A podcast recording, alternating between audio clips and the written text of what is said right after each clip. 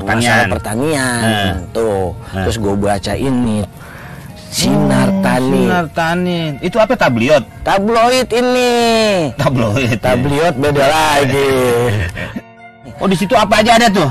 banyak nih apa aja tentang pertanian perikanan pokoknya komplit banget Oh. nah masalah pupuk cara nanam apa gitu ini update semua nih banyak Ya gue sih mem- memang bagus ya jadi kita paham ya. Mm-mm. Kayak gue kan dulu ya siapa yang ngajarin dan gue nggak baca kayak tablet gini. Gue coba nih beternak ikan. Mm. Ikannya nggak gede-gede.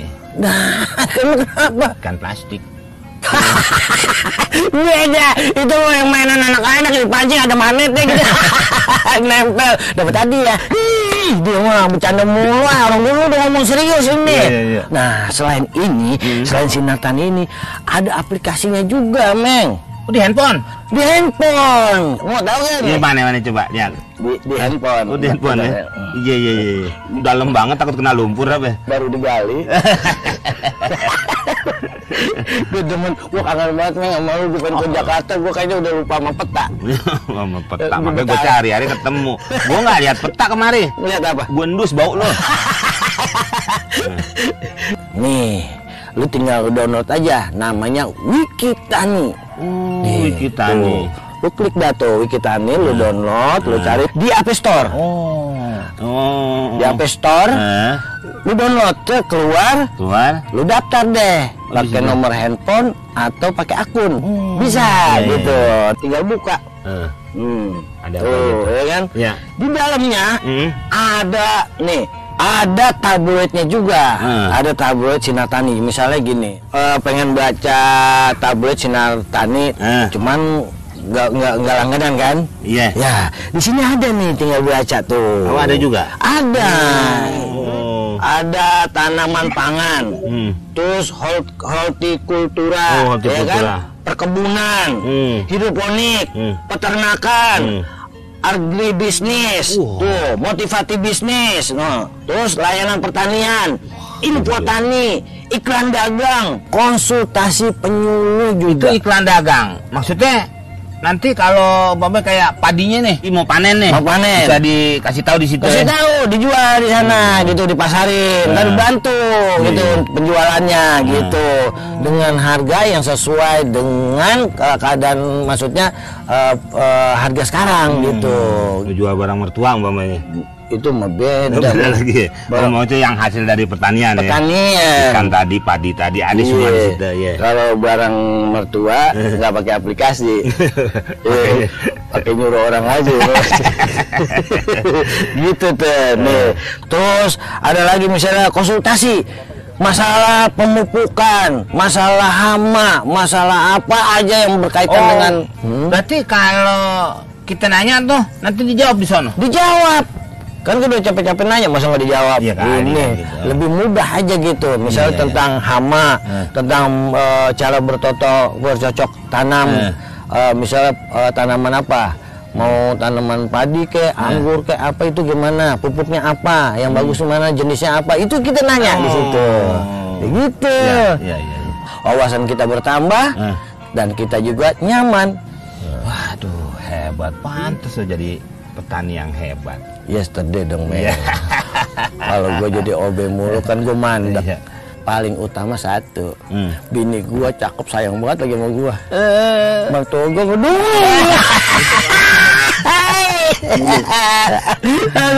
Iya, iya, iya, iya. bercanda mulu lah ini Salam. Ada Bang Komeng. Bu Daus, eh, ini, Bu Daus. Eh, mama eh, nah, Cucu. anak Oh, anak. anak cucu gimana Iya, iya, iya, iya. anak hasil pupuk organik. Jangan-jangan pakai pupuk juga. Iya, iya, iya. Nih, iya.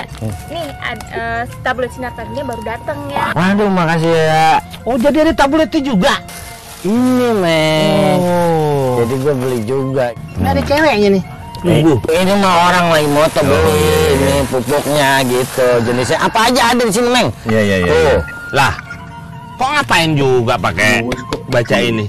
Kan itu udah ada di handphone. Aplikasi. Eh, Ini kalau ini Hah? misal gua baca kan di sini kan nggak belum tentu ada listrik nih di Eh, di sawah, sawah. gini Eh. ya. Ini kalau lobet gimana? Oh nggak bawa itu apa eh, Power Ranger? Power bank. Oh. Power Ranger itu namanya kartun anak-anak berubah gitu. Tuh anak gue senyum. Power bank. Iya iya iya iya iya. Nggak ada ada lagi di sini. Nah, gue masih tetap bisa baca. Baca ini ya? Informasi ada sinar tani gitu. Lebih enak sih gitu dua-duanya Iya, karena iya, gue udah langganan.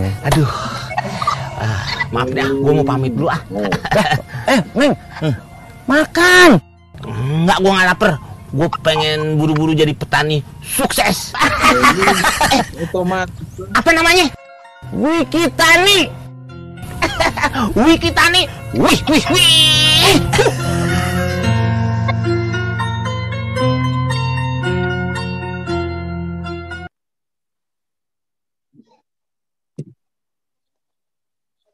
Assalamualaikum warahmatullahi wabarakatuh. Waalaikumsalam warahmatullahi wabarakatuh. Waalaikumsalam warahmatullahi wabarakatuh. Alhamdulillah ini sudah lumayan banyak yang hadir ya. Biasanya menyusul lebih banyak lagi sesudah beberapa saat ya. Baru mungkin kita mulai aja ya. Enggak, enggak, Kang. Ya.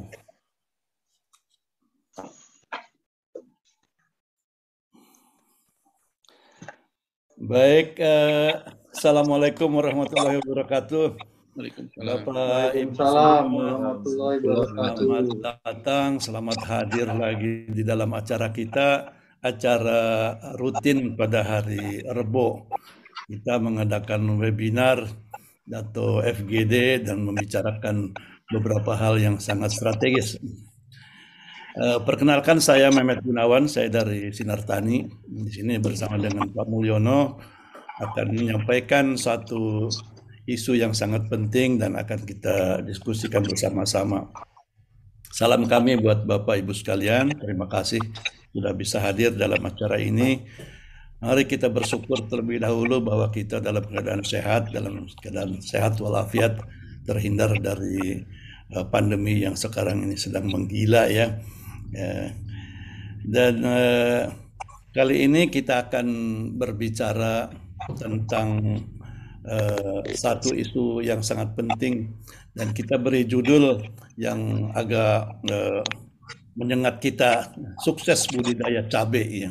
Dan kita akan bicara mulai dari budidaya sampai dengan pemasaran. Ini tentu merupakan informasi bagi kita semua. Eh, cabai ini barangkali sangat unik di negara kita.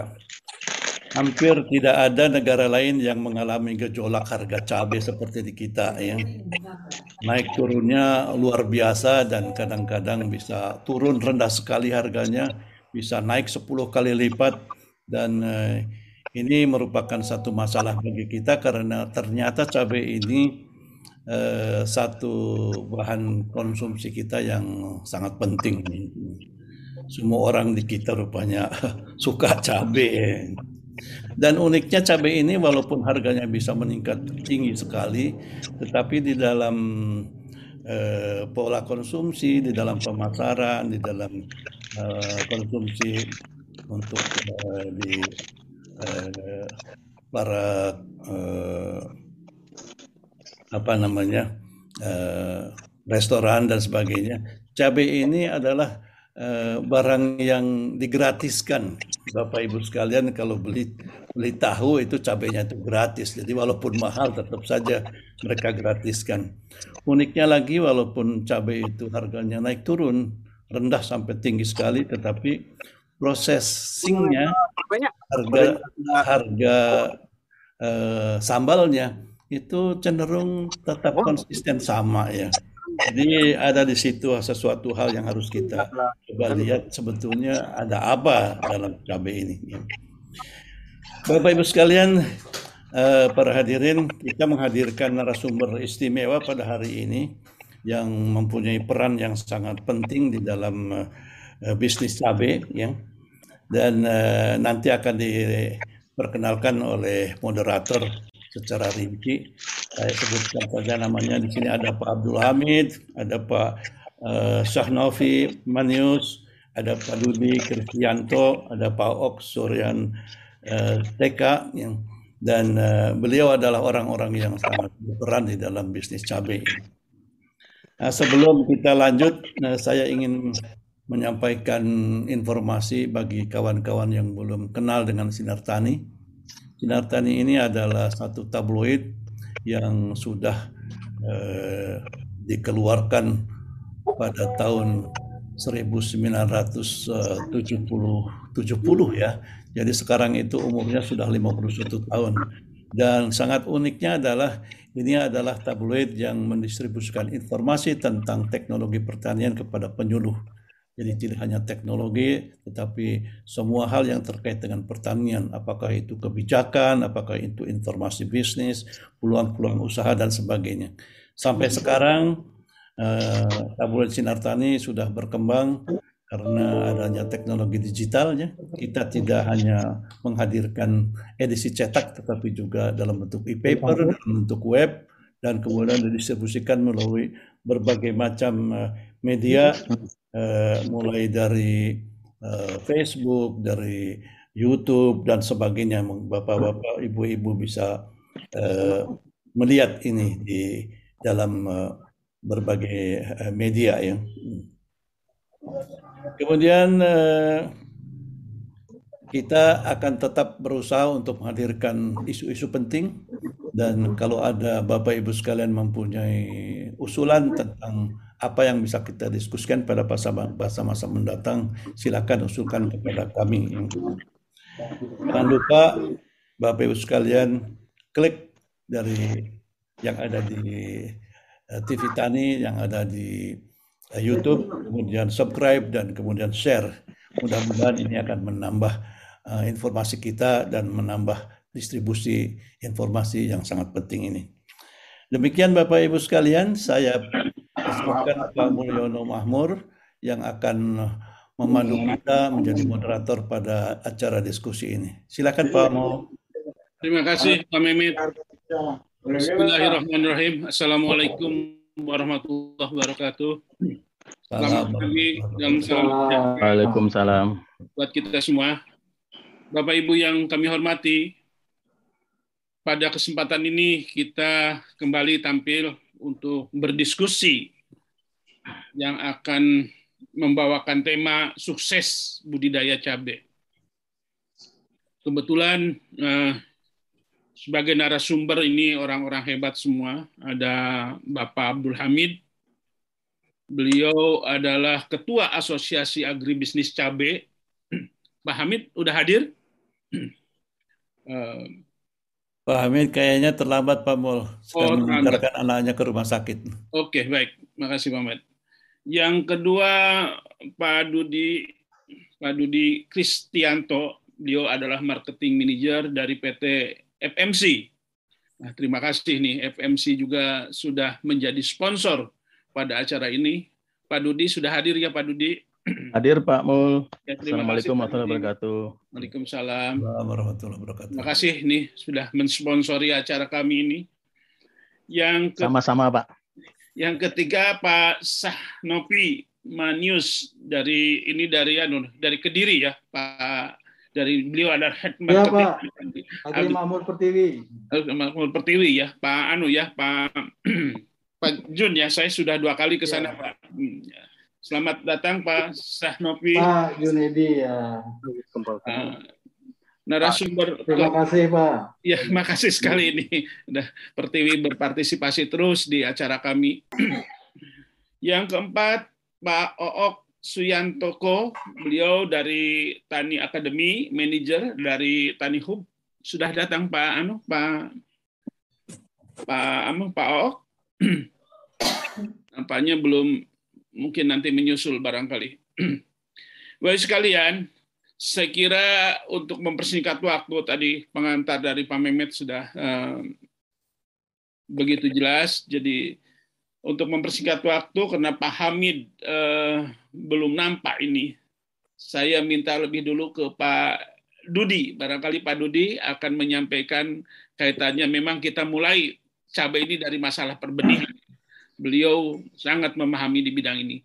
Silahkan Pak Pak Dudi.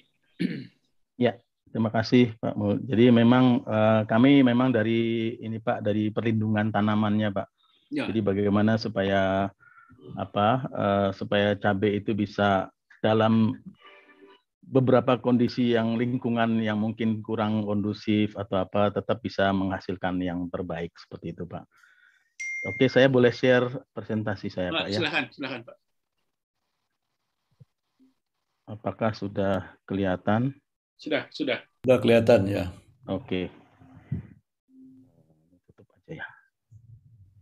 Oke. Um, ya, jadi uh, terima kasih. Assalamualaikum warahmatullahi wabarakatuh ya, kepada uh, para uh, petani, ya terutama petani sayuran dan petani cabai dalam uh, hal ini bapak-bapak dan ibu-ibu eh, dinas pertanian dan juga eh, pemerhati pertanian dan eh, seluruh eh, kontributor pertanian di Indonesia ini. Terima kasih banyak. Saya akan eh, langsung saja ya presentasi terkait dengan eh, memang permasalahan eh, di tanaman cabai terkait dengan hama dan penyakit utama. Saya akan bicara hanya dua ya dan ini yang menjadi salah satu mungkin uh, momok ya bagi bagi para petani cabai atau masalah utama uh, pada petani para petani cabai dalam pada umumnya lah. Kalau kita lihat bulan Februari ya, mungkin Januari, Februari, Maret ya, itu memang uh, secara umum masih uh, di apa namanya diliputi hujan ya, artinya iklimnya iklim basah BMKG bahkan ini coba mungkin prediksi saya atau prediksi dari BMKG bahkan yang tadinya hanya sampai bulan Februari ini akan kemungkinan bisa bertahan hingga uh, apa mungkin bulan-bulan 5 atau uh, eh, 4 sampai 5. Jadi mungkin hingga semester 1. Tapi itu uh, yang bisa memprediksikan bahwa ada satu hal yang menarik bahwa untuk pertanian tentu saja dengan adanya lebih banyak air kan lebih banyak kemungkinan untuk bisa menanam tapi dengan lebih banyak hujan juga eh, permasalahan yang akan timbul itu adalah penyakit tanaman ya. Jadi mungkin penyakit tanaman karena mereka membutuhkan kelembaban, membutuhkan apa namanya eh, apa kondisi yang basah dan sehingga itu mempercepat penyebaran spora dari penyakit itu. Eh, tapi juga tidak menutup kemungkinan ada juga hama-hama yang bisa menyerang. Nah, saya akan bicara terkait di cabai ya kalau dalam kondisi yang banyak hujan ya itu yang biasanya menyerang buah cabai itu ya penyakit ini ya. Nanti saya akan bicara lebih banyak ya yang namanya pate atau antraknosa atau apa namanya itu ya. Nah, saya akan bicara terkait uh, segitiga penyakit tanaman dahulu. Jadi ya kita tahu yang namanya penyakit tanaman itu adalah gangguan fisiologis pada tanaman itu yang disebabkan dari interaksi antara tanaman, patogen atau sumber penyakit dan lingkungan ya. Jadi, kalau dilihat dari segitiga penyakitnya itu adalah ini akan apa saling mendukung ya. Jadi ada tanaman, tanaman inang, terus kemudian ada patogen, ada sumbernya, ada bibit penyakitnya, entah jamur, entah bakteri atau virus, dan ada lingkungan yang mendukung. Ya, jadi tiga itu saling berperan. Kalau misalnya di sini yang uh, ada faktor manusia dan waktu sebagai tambahan dari segitiga uh, apa uh, penyakit uh, tanaman itu ya. Jadi di sini faktor manusia karena apa? Manusia itu ternyata juga bisa menyumbang uh, walaupun secara tidak sengaja atau walaupun secara sengaja dari uh, apa namanya munculnya penyakit tersebut ya. Bisa saja itu apa namanya penggunaan varietas yang rentan. Bisa saja penggunaan pupuk N atau urea yang berlebihan. Bisa saja jarak tanam yang terlalu rapat ya. Tapi juga ada waktu. Jadi e, waktunya artinya pada menanam pada saat yang kondisi apa namanya e, kondisi yang sangat rentan ya istilahnya untuk munculnya penyakit dan lain-lainnya seperti itu. Nah, jadi itu uh, peran manusia uh, juga berperan ya dalam uh, pengembangan penyakit itu.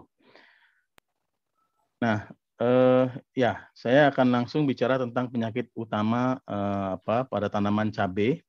Ya, jadi ini ya, jadi begitu sudah buah kok kelihatan ada ada apa namanya itu ada bintik kecil kemudian melebar melebar melebar dan kemudian busuk ya itu yang namanya antraknosa atau patek ya. Ya, jadi di sini jamur, penyebabnya jamur itu eh, bahasa Latinnya Coletotrichum atau Gliosporium.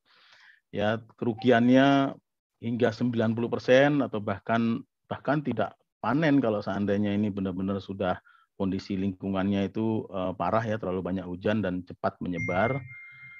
Nah, ini ya yang perlu diperhatikan adalah pada saat curah hujan tinggi ya kemudian setelah itu ada panas artinya di situ eh, mulai muncul kelembaban eh, penyakit itu bisa sporanya menyebar dengan sangat cepat ya dalam waktu tiga hari dari satu tanaman atau dari satu batang ke batang yang lainnya dari satu buah ke buah yang lainnya seperti itu jadi cukup tiga hari sudah bisa me, apa namanya me, menyebarkan dari penyakit ini Nah, bagian yang terserang, memang yang terserang ini sebenarnya mulai dari daun, tapi biasanya yang sudah eh, apa namanya sudah kita biasanya melihat itu adalah yang di buah. Jadi akan lebih baik kalau pada saat eh, apa namanya menjelang eh, setelah pembungaan atau pembuahan itu sudah harus kita mulai kegiatan proteksi. Untuk gejala sendiri, ya ini ada bercak coklat kehitaman, kemudian dari tengahnya ada bint awalnya hitam, membentuk koloni jamur, kemudian bentuk lingkaran memusat, ya, dan menjadi busuk lunak. Pada akhirnya menjadi apa namanya ambles atau busuk lunak.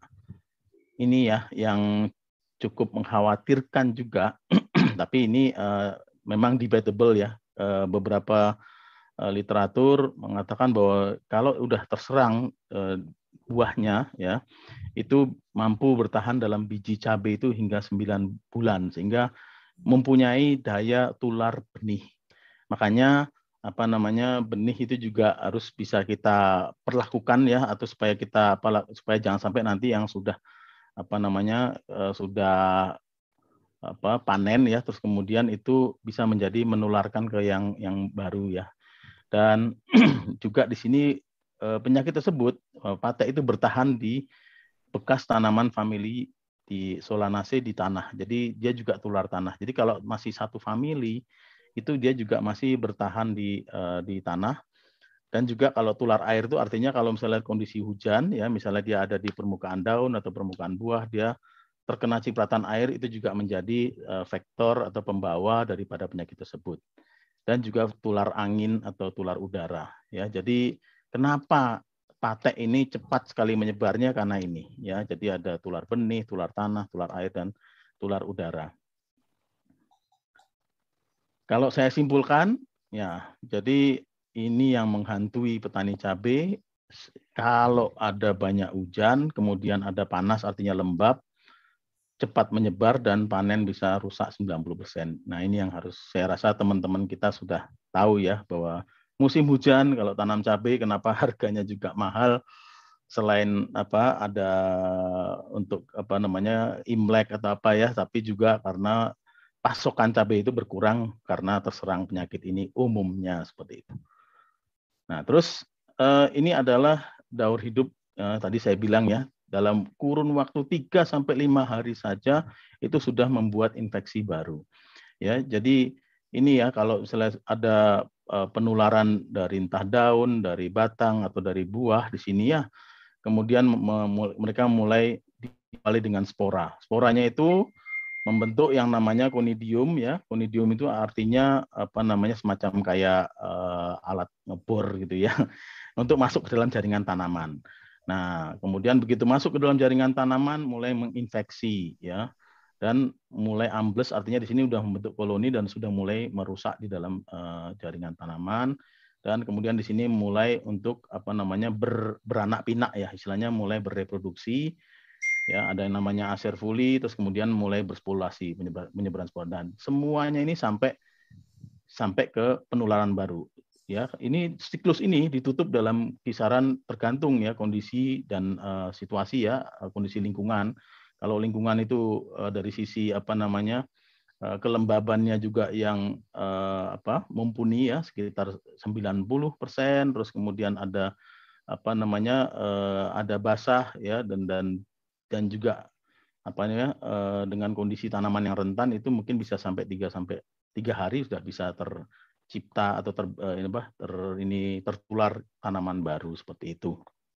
Nah, bayangkan kalau misalnya insek ya, kalau hama itu kan siklusnya itu bisa satu bulan ya, terus kemudian atau bahkan sampai 50 hari itu ya siklus hama dari uh, dewasa, telur, kemudian uh, ulat menetas menjadi apa namanya ya Eh, kepompong dan kemudian dewasa lagi itu adalah mungkin 3 sampai 50 hari. Tapi ini tanam eh, penyakit ini cukup 3 sampai 5 hari saja. Oleh karena itu kita harus eh, berhati-hati, sangat hati-hati dalam hal ini. Pak Dudi, maaf ya, kalau, silakan Pak. Kalau uh, tanamannya pakai naungan semacam penil house gitu, itu bisa ya. mengurangi nggak serangan penyakit ini, Pak? Ya, uh, ya naungan ini bagus, Pak, penting, Pak. Uh, tapi memang harus dijaga dari sisi kelembabannya, Pak. Oh. Uh, jadi uh, karena ini kan tular udara dan tular cip, uh, air itu ya, kalau seandainya ada apa hujan atau apa itu tidak apa bisa mengurangi lah, uh, mengurangi cukup uh, baik, cuman harus dijaga kelembaban dan juga uh, dipastikan apa pemupukannya juga harus yang imbang, Pak. Jadi jangan tetap saja kalau kondisi hujan kita tahu ya kalau misalnya yang berbasis N itu juga jangan terlalu banyak, Pak ya. Mungkin seperti itu, Pak. Ya. Mungkin ada pertanyaan lagi? Monggo, nggak apa-apa. Saya sambil diskusi, nggak apa-apa. Jadi enak. artinya kan uh, bisa mengurangi tadi serangan udara atau serangan ini ya dengan serangan udara, hujan, ya, dan betul. sebagainya itu artinya cuman barangkali dari sisi kosnya barangkali ya harus agak hmm. meningkat ya. Tapi ini luar biasa memang uh, penyakit di cabai ini banyak petani-petani mengeluh gitu ya. Lanjut betul, Pak Dudi, lanjut Pak Dudi. Ya, uh, saya ini apa bicara mengenai apa salah satu mungkin solusi yang bisa kami tawarkan, tapi intinya adalah uh, ini memang kita ada fungisida Pak, uh, fungisida baru ya, dan uh, yang satu lagi sudah agak lama. Yang baru itu adalah Kivalo, uh, yang satu lagi adalah Octav. Cuman kembali lagi kita harus tetap mengupayakan apa namanya integrasi Pak ya, yang terintegrasi artinya jangan hanya berpikir kimia terus. Ya. Jangan hanya berpikir bahwa fungisida ini adalah satu-satunya apa ya yang bisa mengendalikan patek jangan berpikir seperti itu. Tapi tadi seperti Bapak bilang tadi artinya apakah ada secara budidaya juga juga bisa di apa namanya diperbaiki terus kemudian dari sisi apa namanya eh, varietas juga harus di yang tahan seperti itu ya. Terus kemudian juga dari sisi musim Mbak ya kira-kira yang pas jangan sampai nanti kita paksakan untuk mentang-mentang harganya menjelang bagus terus kita paksakan tanam pada di kondisi yang rawan terhadap munculnya patek ini seperti itu Pak. Ya, jadi itu saling berhubungan. Nah, memang memang untuk yang kimia atau fungisida ini adalah uh, sebenarnya adalah yang keputusan terakhir ya. Kalau dari PHT Pak ya seperti itu ya. Artinya penggunaan kimia itu yang yang terakhir. Nah, jadi uh, kita akan bicara dua produk uh, Kivalo dan Octav. Apa itu? Uh, kalau Kivalo ini memang yang bahan aktifnya baru, Pak. Jadi memang kalau misalnya terutama antraknosa itu kalau seandainya kita tidak uh, berhati-hati dalam mengaplikasikan fungisida dengan jenis dan grup yang sama, itu akan mempercepat eh, apa namanya terjadinya kekebalan, Mbak. Jadi artinya penyakit tersebut akan jadi kebal. Samalah rasanya kalau kita mungkin awalnya kita coba cabai rawit ya. Ini saya bicara pengalaman pribadi. Saya kalau cabai rawit pakai gorengan tuh awalnya saya kepedesan kan oh, satu ah, satu biji aja gitu kan mungkin ditambah sama tahu gitu. Tapi kok lama-lama satu satu cabai itu kayaknya kurang gitu. Ah kayaknya lidahnya karena kita udah menyesuaikan gitu. Ah tambah lagi dua cabai untuk satu gorengan gitu kan. Lama-lama gitu. Jadi ini intinya yang apa namanya eh, namanya juga makhluk hidup ya. Eh, jadi dia akan terus berupaya untuk survive. Artinya eh, apa namanya uh, akan bisa resisten seperti itu. Nah, untuk itu uh, kami dari FMC juga terus uh, berupaya mengembangkan produk-produk baru yang bisa menyesuaikan ke kondisi tersebut. Jangan sampai nanti dengan jenis dan apa grup fungisida yang sama ada produk baru sudah sudah resisten artinya si penyakitnya itu artinya sudah tidak bisa mengendalikan penyakit tersebut gitu ya. Oke, jadi ini flopiram ya, eh, bahan aktifnya ya 20% dan tebuconazole. Jadi di sini adalah yang untuk eh, pengendalian eh, apa namanya, memang leaf spot ya, penyakit-penyakit bercak bercak daun namanya itu salah satu di antaranya patek ya tadi antraknus secara komprehensif. Apa itu komprehensif? Artinya di sini ini ya. Jadi kalau misalnya hama itu kan kelihatan ya penyebabnya ya ulat atau mungkin kutu-kutuan, trip, apis gitu kan kelihatan oleh mata.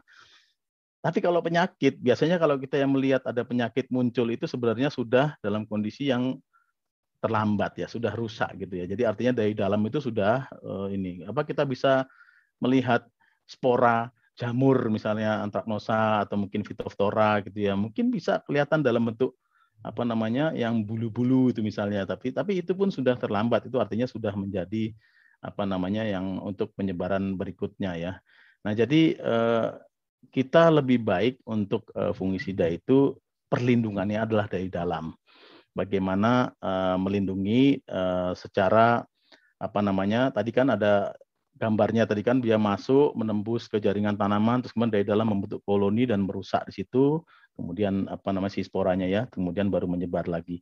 Nah, jadi bagaimana kita melindunginya dari dalam tanpa kita harus melihat gejalanya. Harapannya ya gejalanya itu tidak muncul karena sudah berhenti gitu kan seperti itu. Nah, inilah yang namanya sistemik ya seperti itu. Nah, jadi e, memang ini e, ditranslokasi atau begitu setelah disemprot dia akan didistribusikan atau ditranslokasikan ke dalam seluruh jaringan tanaman melalui Eh, pembuluh silim ya, pembuluh yang membawa air ya intinya seperti itu sehingga nanti ke titik tumbuh juga bisa dilindungi. Untuk daun ya bisa dilindungi dan buah juga ya. Jadi di sini juga relatif uh, bisa baik dan bertahan lama di permukaan buah dan permukaan daun. Ini adalah konsentrasinya. Uh, jadi 25 mili per tangki gampangnya lah. Atau untuk satu botol ini 250 mili ya satu drum. Kalau yang pakai biasanya kalau di dataran tinggi pakainya drum, tapi kalau yang di dataran rendah bisa pakai tangki. Eh, per tangki 25 mili, jadi kalau 250 mili botol ini adalah untuk 10 tangki. Ya, gitu. Nah, ini eh, bahan aktif barunya Flopiram itu memang untuk eh, apa namanya? membuat hifa ya artinya hifa itu kayak benang-benangnya benang-benang jamurnya itu biasanya dia aktif untuk apa namanya melakukan apa namanya koloni ya atau merusak ya. Nah itu dimatikan energinya, artinya tidak bisa tidak bisa tidak punya energi lah dengan flopiram ini. Jadi ini adalah uh, cara kerja yang relatif baru uh, dibandingkan dengan yang produk-produk yang lama ya. Jadi biasanya hanya ke struktur membran sel jamur, tapi ini adalah ke hifa-hifanya gitu. Jadi ke tadi benang-benangnya. Itu yang membuat apa namanya Eh, apa namanya penyakit itu jadi tidak mudah eh, apa namanya menimbulkan resisten gitu. Karena ada produk baru dengan cara kerja yang baru sehingga mereka juga apa namanya yang tadinya mungkin sudah kebal karena cara kerja yang lama itu sudah mereka sudah bermutasi ya penyakit itu. Ya ini dengan adanya cara kerja baru eh, itu jadi sensitif lagi artinya atau artinya masih tidak kebal gitu ya. Nah ini juga ada tebuconazol jadi ada dua bahan aktif di sini yang menariknya. Satu tebuconazol dan satu lagi flopiram. Flopiram ini di sini, uh, sorry, tebuconazol di sini uh, memang dia lebih banyak ke kuratif. Jadi apabila sudah di dalam, ya itu uh, apa namanya tidak bisa berkembang lah, ya. Jadi sudah berkoloni jamur-jamur tersebut di dalam, tapi dia tidak bisa sampai ke reproduksi ya, artinya uh, membran selnya juga dirusak. Nah, dua ini bersinergi ya antara klopiram dan tebuconazol. Dan yang penting di sini adalah uh, ini aman bagi tanaman utama ya. Jadi apa namanya walaupun ini diaplikasikan pada saat uh, pembuahan awal ya, tapi uh, relatif tanaman utama itu yang penting kan ke daun, ke batang, bahkan ke buah, ke bunga itu relatif aman untuk diaplikasikan seperti itu. Nah, yang kedua ini oktav. Oktav ini lebih banyak untuk memproteksi ya protektan ya memang ada juga yang masuk ke dalam jaringan tanaman tidak sekuat yang tadi kifalo ya. Artinya di sini dia lebih kuat ke melindungi dari serangan baru ya. Ini bahan aktifnya prokloras mangan klorid ya jadi untuk uh, pate. Nah, yang menariknya di sini ya karena ada unsur mikronya di sini, ada unsur uh, mangan, ada, ada mangan dan ada silika yang membuat kekokohan dan ke, ke, ke, ketebalan daun ya kita tahu uh, unsur mikro dan Konsentrasi sama juga satu setengah gram per liter atau dua sendok per tangki atau satu bungkus yang 250 gram ini untuk satu drum. Nah ini menariknya di sini karena dia protektan, dia tuh mampu uh, mengendalikan beberapa stadia pertumbuhan dari uh, patogen jamur tersebut. Jadi tadi ada stadia yang baru mulai spora, ada mulai yang sudah membentuk hifa, ada yang sudah membentuk apalagi tadi ya eh, macam-macam lah ya jadi apresorium dan lain jadi istilahnya itu yang semua bisa dihambat oleh eh, oktav ini ya jadi ini intinya adalah merusak kestabilan sel jamur patogen. Jadi istilahnya di sini bagaimana dia supaya tidak bersporulasi ya artinya sudah tidak bisa ber, tidak bereproduksi ya seperti itu. Nah, jadi kombinasi antara dua ini ini yang me, apa namanya membuat uh, perlindungan tapi secara kimia ya, perlindungannya juga lebih baik. Karena dari luar dan dari dalam uh, terjamin seperti itu. Juga relatif aman bagi tanaman utama. Itu yang penting. Ini adalah WP ya. Jadi kalau disemprot nanti juga ada bekas-bekasnya di daun. Saya juga saya yakin juga bahwa para petani juga ada senang lah kalau lihat daun itu ada kayak bekas-bekas apa fungisidanya ya itu. Jadi apa itu biasanya yang ber, berformulasi tepung. Jadi ini bisa dikombinasikan dengan kifalo tadi ya. Jadi di Nah, jadi ini ya. Jadi kalau tadi bicara siklus uh, si pate itu protektannya itu dikendalikan oleh uh, oktav ya, terus kemudian sampai ke uh, pembent apa namanya uh, ya artinya pembentukan spora baru, terus kemudian eradikatif di sini juga dikendalikan oleh eh, kifalo. Artinya di sini eh, kombinasi dari dua itu melindungi ya. Dan jadi artinya supaya melindungi supaya dia, dia tidak datang atau pas dia datang sporanya langsung mati atau pada saat dia sudah kondisi terserang dia tidak menyebar ya artinya itu eradikatif ya artinya dia tidak mampu untuk bereproduksi atau menyebarkan spora seperti itu. Jadi itu Kivalo dan Octave uh, kurang lebih seperti itu. Ini, ini produk ada ini ada di mana Pak Dudi? Mohon maaf bisa Ad, orang kalau mau perlu produk-produk ini di mana Pak? Di sudah tersebar di anu di kios-kios. Sudah Pak, sudah kios-kios pertanian sudah ada. Kebetulan Kivalo ini kita baru uh, launching di Februari ini, hmm. tapi akan segera tersedia karena Kivalo itu masih sangat baru. Uh, Tapi uh, ini adalah sebagai rotasi atau sebagai generasi barunya dari fungisida untuk matek ya, seperti itu, Pak. Ya. Nah, Oktav ini sudah banyak, Pak. Kalau Oktav sudah banyak di kios gitu, Pak, seperti itu. Oke. Jadi sudah ya relatif sudah banyak, Pak, di kios-kios pertanian. Jadi nanti bisa silahkan eh, ke kios pertanian terdekat untuk untuk apa eh, ada kemungkinan berbelanja untuk Kivalo dan Oktav ini. Oke. Lanjut. Ya Pak. Jadi ya ini gambar-gambar ya. Jadi bagaimana dengan Oktav itu mampu melindungi ya ini pada saat terutama ya pada saat mulai uh, dari pembungaan sampai pembuahan sampai ke panen ya. Ya kita lihat di sini kan. Jadi bagaimana itu dari cabenya juga secara ukuran juga dan secara kualitas juga baik ya dibandingkan yang untreated. Nah ini yang baru Pak. Jadi Kivalo ini juga memang kombinasi yang bagus ya karena dia bahan aktif baru kita lihat juga dari yang terkena antraknosa itu eh, pertama juga mungkin cabenya tidak full atau bahkan sampai rontok. Kemudian kifalo itu bisa menjaga bahkan sampai full ya dari atas sampai bawah gitu ya seperti ini. Jadi ya, dan biasanya kalau produk-produk baru itu eh, penyakit itu cepat cepat tuntas lah pak gitu pak. Ya. Eh, cuman tetap harus dijaga dijaga bagaimana aplikasinya yang supaya jangan sampai cepat resisten itu. Ini ya hasil panennya memang ada produk pembanding kita lihat ya. Jadi yang terserang ini ada di bawah ya.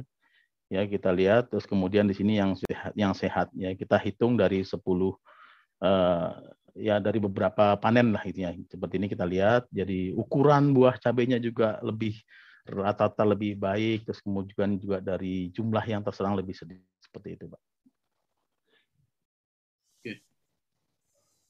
Nah, ini bagaimana untuk mencegah Oh, bahasanya cekal, Pak. Cegah dan tangkal mata ini, Pak. Jadi kita lindungi mulai uh, pada saat buah cabai itu uh, 3 cm-an lah. Ya artinya di situ yang uh, apa kemungkinan bisa menyerang ke buah. Jadi disemprotkan kivalo dengan konsentrasi 1,5 mili per liter tadi. Kemudian dirotasikan ya. Jadi setelah lima hari kemudian rotasikan dua kali dengan oktav sama intervalnya tergantung ya tergantung kondisi. Kalau banyak hujan ya tiga hari sekali. Tapi kalau misalnya yang hujannya masih nggak terlalu ini ya bisa sampai lima hari sekali gitu ya. Nah semprotkan uh, oktav dua kali dengan konsentrasi satu setengah gram per liter.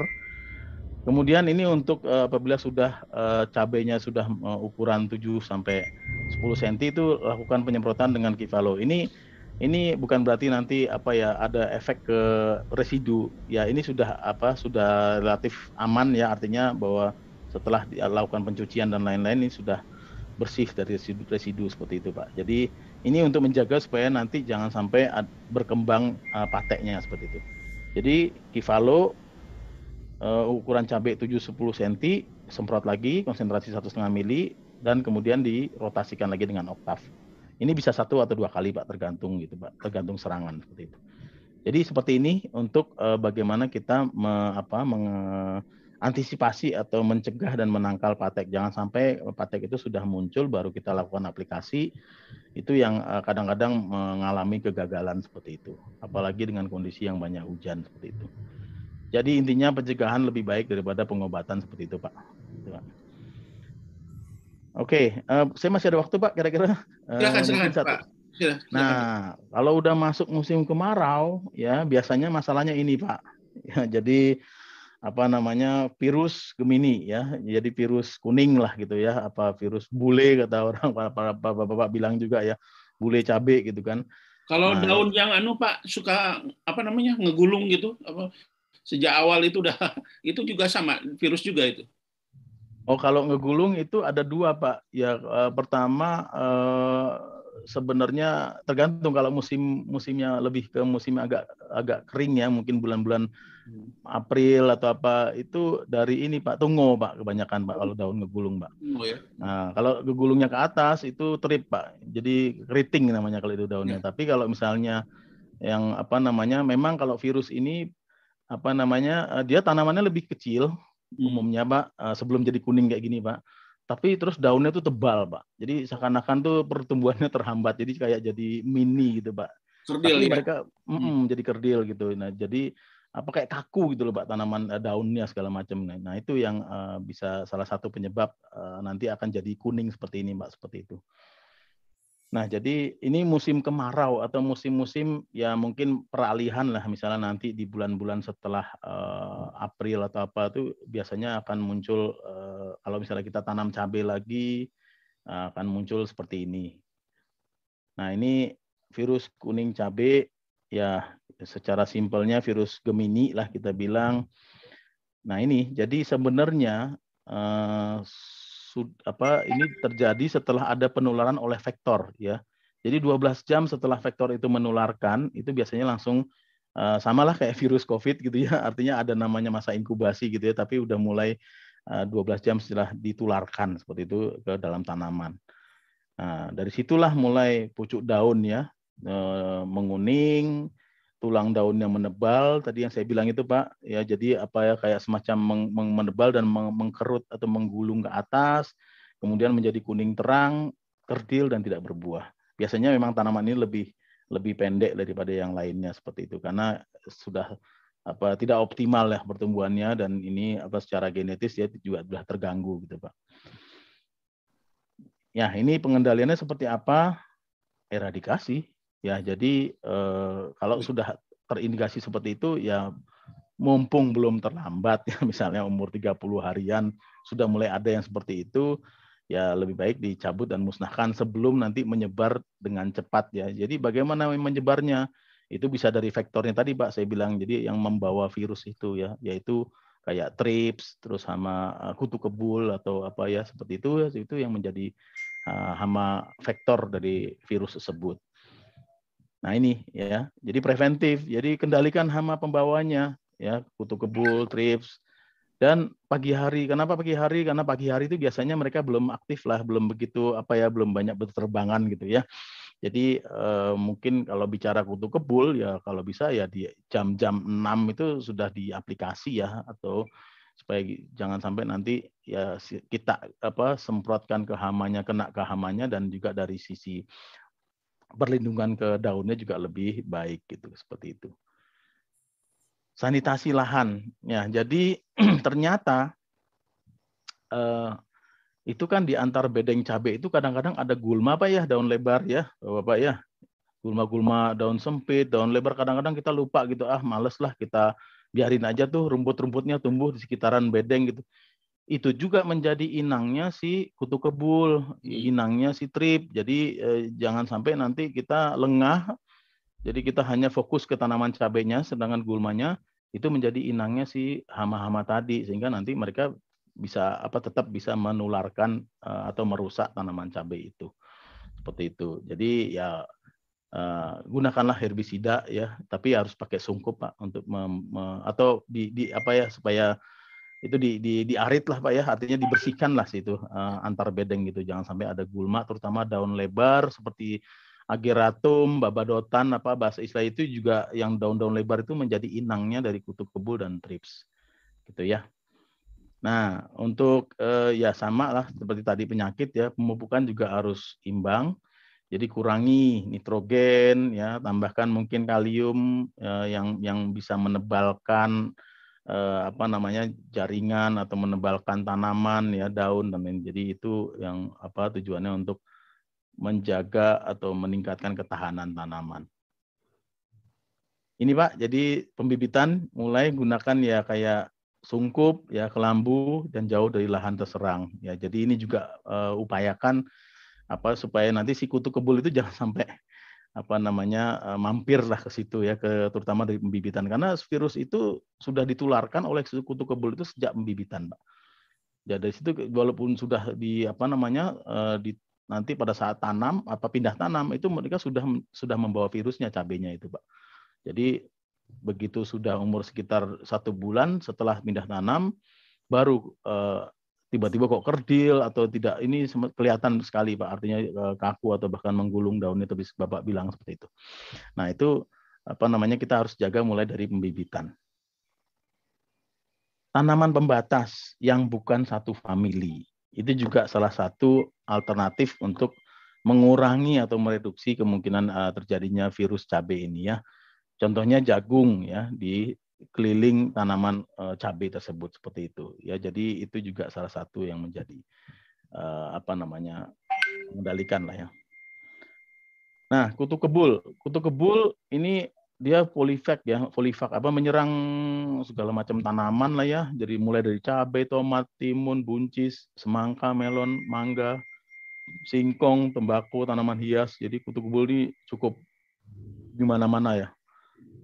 Nah, ini sangat mudah dan cepat berkembang biak ketika cuacanya itu kering dan panas. Jadi kita bicara pada saat musim musim kemarau gitu ya. Dan dia cepat ya yang dewasanya ini mengisap ya dewasa dan dan nimfa yang mengisap daun pada uh, pada daun eh mengisap cairan pada daun dan batang muda. Nah, akhirnya ini, jadi karena cairan dia dihisap, tanamannya juga jadi mengkerut atau kerdil, dan kadang juga muncul, eh, biasanya itu diikuti dengan apa penyakit ya kayak embun jelaga, karena dengan adanya kelembaban dan juga mungkin ada unsur eh, kayak semacam sukor, eh, apa, sukrosa atau gula di situ sehingga muncul embun jelaga. Dan itu yang biasanya membuat daun itu jadi kurang ideal untuk fotosintesa ya prosesnya. Nah ini ya, jadi memang kerusakan itu lebih banyak disebabkan oleh karena adanya disambungkan dengan yang virus tadi ya. Nah jadi ini, jadi yang ditakutkan dengan adanya apa virus kuning ini eh, dia apa vektor ini dia tuh 15 menit setelah mengisap daun itu udah apa namanya dia tertular dan men, selama hidupnya bisa menularkan virus ya. Uh, umumnya di bawah permukaan daun hidup berkelompok jika tersentuh bertebangan ya kayak tepung putih atau kabut ya seperti itu. Nah, makanya jadi kita pengendaliannya harus lebih pagi, lebih baik ya di mana mereka masih belum aktif. Nah, ini. Jadi si betinanya itu mampu bertelur hingga 400 uh, butir. Siklus hidup ya beda dengan tadi ya antraknosa cuma 3 sampai 5 hari. Ini 24 hari ya. Disemprot dengan apa nih Pak obatnya? Uh, kami ada sih uh, produknya, cuman kita bicara dulu mengenai ini Pak ya, mengenai masalahnya dulu Pak. Jadi kita memahami dulu dan bagaimana kita mengantisipasinya seperti itu Pak.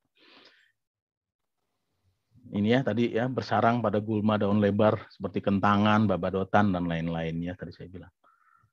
Ini siklus hidup ya. Jadi kita lihat di sini dari telur sampai ke imago atau dewasa ya. Eh, dia tidak mengalami metamorfosis sempurna ya. Jadi bentuknya kurang lebih ya sempurna juga ya. Oh, sempurna juga ya. Kita lihat dari nimfa bentuknya seperti ini terus kemudian menjadi kupu ya, tapi dalam waktu yang cepat ya kita lihat ya instar 2, instar 3, 4 dan itu ukurannya kecil ya kita. Saya kebetulan di rumah ini di halaman di pekarangan tanam mel eh melon, tanam terong dan cabai itu Pak dan itu ternyata memang eh, menjadi salah satu kendala utama itu si kutu kebul ini. Ya, jadi ini Pak. Jadi memang antisipasi eh, kembali lagi yang kita eh, harapkan adalah supaya tanaman cabai itu tidak terserang virus. Jadi bagaimana kita antisipasi? Ya kita tidak bisa menyembuhkan uh, tanaman terserang virus, tapi kita antisipasi uh, supaya tidak terserang virus. Art artinya apa? Kita kendalikan vektornya atau pembawanya tadi. Di sini ada Preza, ada Verimark, dan ada Stargate. Ini adalah insektisida uh, sistemik ya, uh, dan sistemik artinya di sini yang di, dalam tanaman untuk um, melindungi apabila terjadinya apa tadi ada kutu kebul datang dan menghisap cairan pada tanaman cabai. Namun apabila sudah ada bahan aktif atau bahan kimianya dari Preza, dari Verimark atau Stargate ini, jadi dia mereka akan uh, mati sebelum menularkan virus ke dalam ke tanaman cabainya. Ini cepat aja Pak. Jadi uh, ya ini translaminar itu artinya uh, ini sistemik tapi yang lokal artinya dia hanya di uh, dari misalnya kalau disemprotkan di bagian atas daun, kemudian dia masuk ke dalam jaringan dan di, melindungi bagian bawah daunnya. Tadi ingat kutu kebul itu ada di bagian bawah daun. Nah, kalau misalnya kita semprot bagian atasnya, tenang saja nggak apa-apa, dia akan tembus ke bagian bawah daun. Jadi akan mengenai juga yang di eh, apa populasi dari kutu kebul yang di bagian bawah daun. Nah, jadi itu translaminar. Bahan aktifnya baru Pak, relatif baru ya, siantraniliprol. Jadi ini yang 20% itu adalah Verimark dan siantraniliprol yang 10% itu Preza ya. 10% artinya 100 gram per liter bahan aktif gitu. Ini karena masih baru dan uh, ini juga sangat baik untuk pengendalian hama penghisap. Tadi ya, kutu kebul atau trip itu masuk dalam kategori hama penghisap ya, penghisap dan pencucuk. Beda dengan yang ulat. Ulat-ulatan itu kan mereka pengunyah ya dan uh, penggigit dan pengunyah ya seperti itu. Jadi uh, kutu kebul trip aphids itu hama pengisap dan ini sangat baik uh, pengendaliannya untuk uh, tanaman cabai dan tomat. Uh, nah, cara kerjanya ini juga berbeda dengan yang uh, umumnya. Biasanya kan racun uh, saraf atau apa yang bikin istilahnya setelah disemprot uh, hamanya akan kejang-kejang seperti itu Pak ya. Itu namanya racun saraf. Kalau ini setelah disemprot Eh, racun otot ya. Artinya setelah termakan terus kemudian dia sudah diam aja gitu. Artinya apa? Otot tidak mampu bekerja secara optimal atau bahkan lumpuh. Jadi dia uh, bukan kejang-kejang tapi udah diam aja dan lama-lama mati seperti itu pak.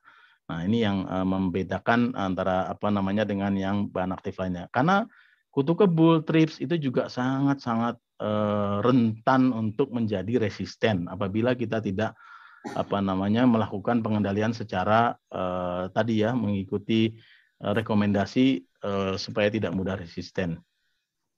Ya, untuk Verimark ini diaplikasikan di persemaian. Jadi tadi saya bilang persemaian itu adalah sumber uh, apa bisa jadi si hama itu sudah mulai menyerang dan itu nanti akan mengeluarkan virus ke pertanaman ya, pada saat tanam Jadi itu harus sudah mulai dijaga apa jadi namanya, melakukan pengendalian secara 5 mili uh, untuk seribu tadi ya mengikuti ya jadi rekomendasi untuk uh, persemaian supaya tidak mudah resisten. Kemudian perisanya ini 1,25 ya, liter per hektar ini Verimark ini diaplikasikan di persemaian. Ya, jadi jadi tadi saya bilang perisa. persemaian itu adalah sama eh, eh, bekerja dengan mengganggu sistem otot tadi udah saya jelaskan ya. Jadi hamanya langsung tidak bisa makan dalam hitungan sekejap ya. Terus kemudian baru setelah tergantung kondisi lingkungan mungkin dua hari baru dia uh, baru dia mati lah seperti itu ya.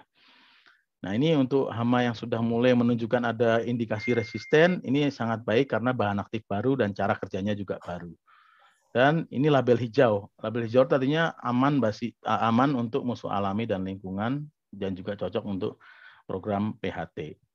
Ini ya, jadi Freza dan Verimark. Nah, Stargate ini juga memang eh, dikuat eh, dari sisi kontaknya. Jadi eh, Stargate di sini sebagai apa namanya rotasi dari Verimark dan Preza karena mereka dari satu grup yang sama harus dirotasi dengan grup yang berbeda. Nah, jadi grup insektisida berbeda ini adalah kita punya Stargate berbahan aktif klotianidin.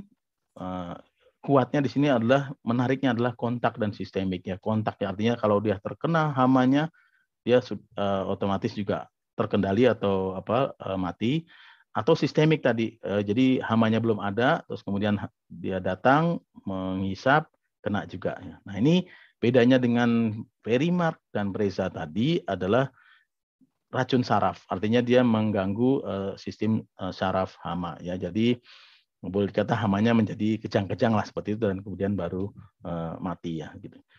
Namun ini karena juga bahan aktif yang relatif baru ya klotianidin ini juga uh, masih uh, baik untuk uh, hama yang sudah uh, terindikasi resisten terhadap beberapa jenis uh, insektisida tertentu gitu dan ini relatif aman untuk juga musuh dan musuh alami ya dan lingkungan juga cocok untuk PHT. Nah, bagaimana tiga ini dikombinasikan? Ya, kalau tadi bicara yang patek itu fungisida kita di generatif ke atas, ini insektisida kombinasinya kita geser ke eh, vegetatif ke bawah, ya. Jadi eh, cegah dan tangkal virus. Kalau tadi cegah dan tangkal patek, ini cegah dan tangkal virus. Kita mulai di persemaian ya dengan Verimax ya itu dengan 25 mili per 100 per 1000 tanaman.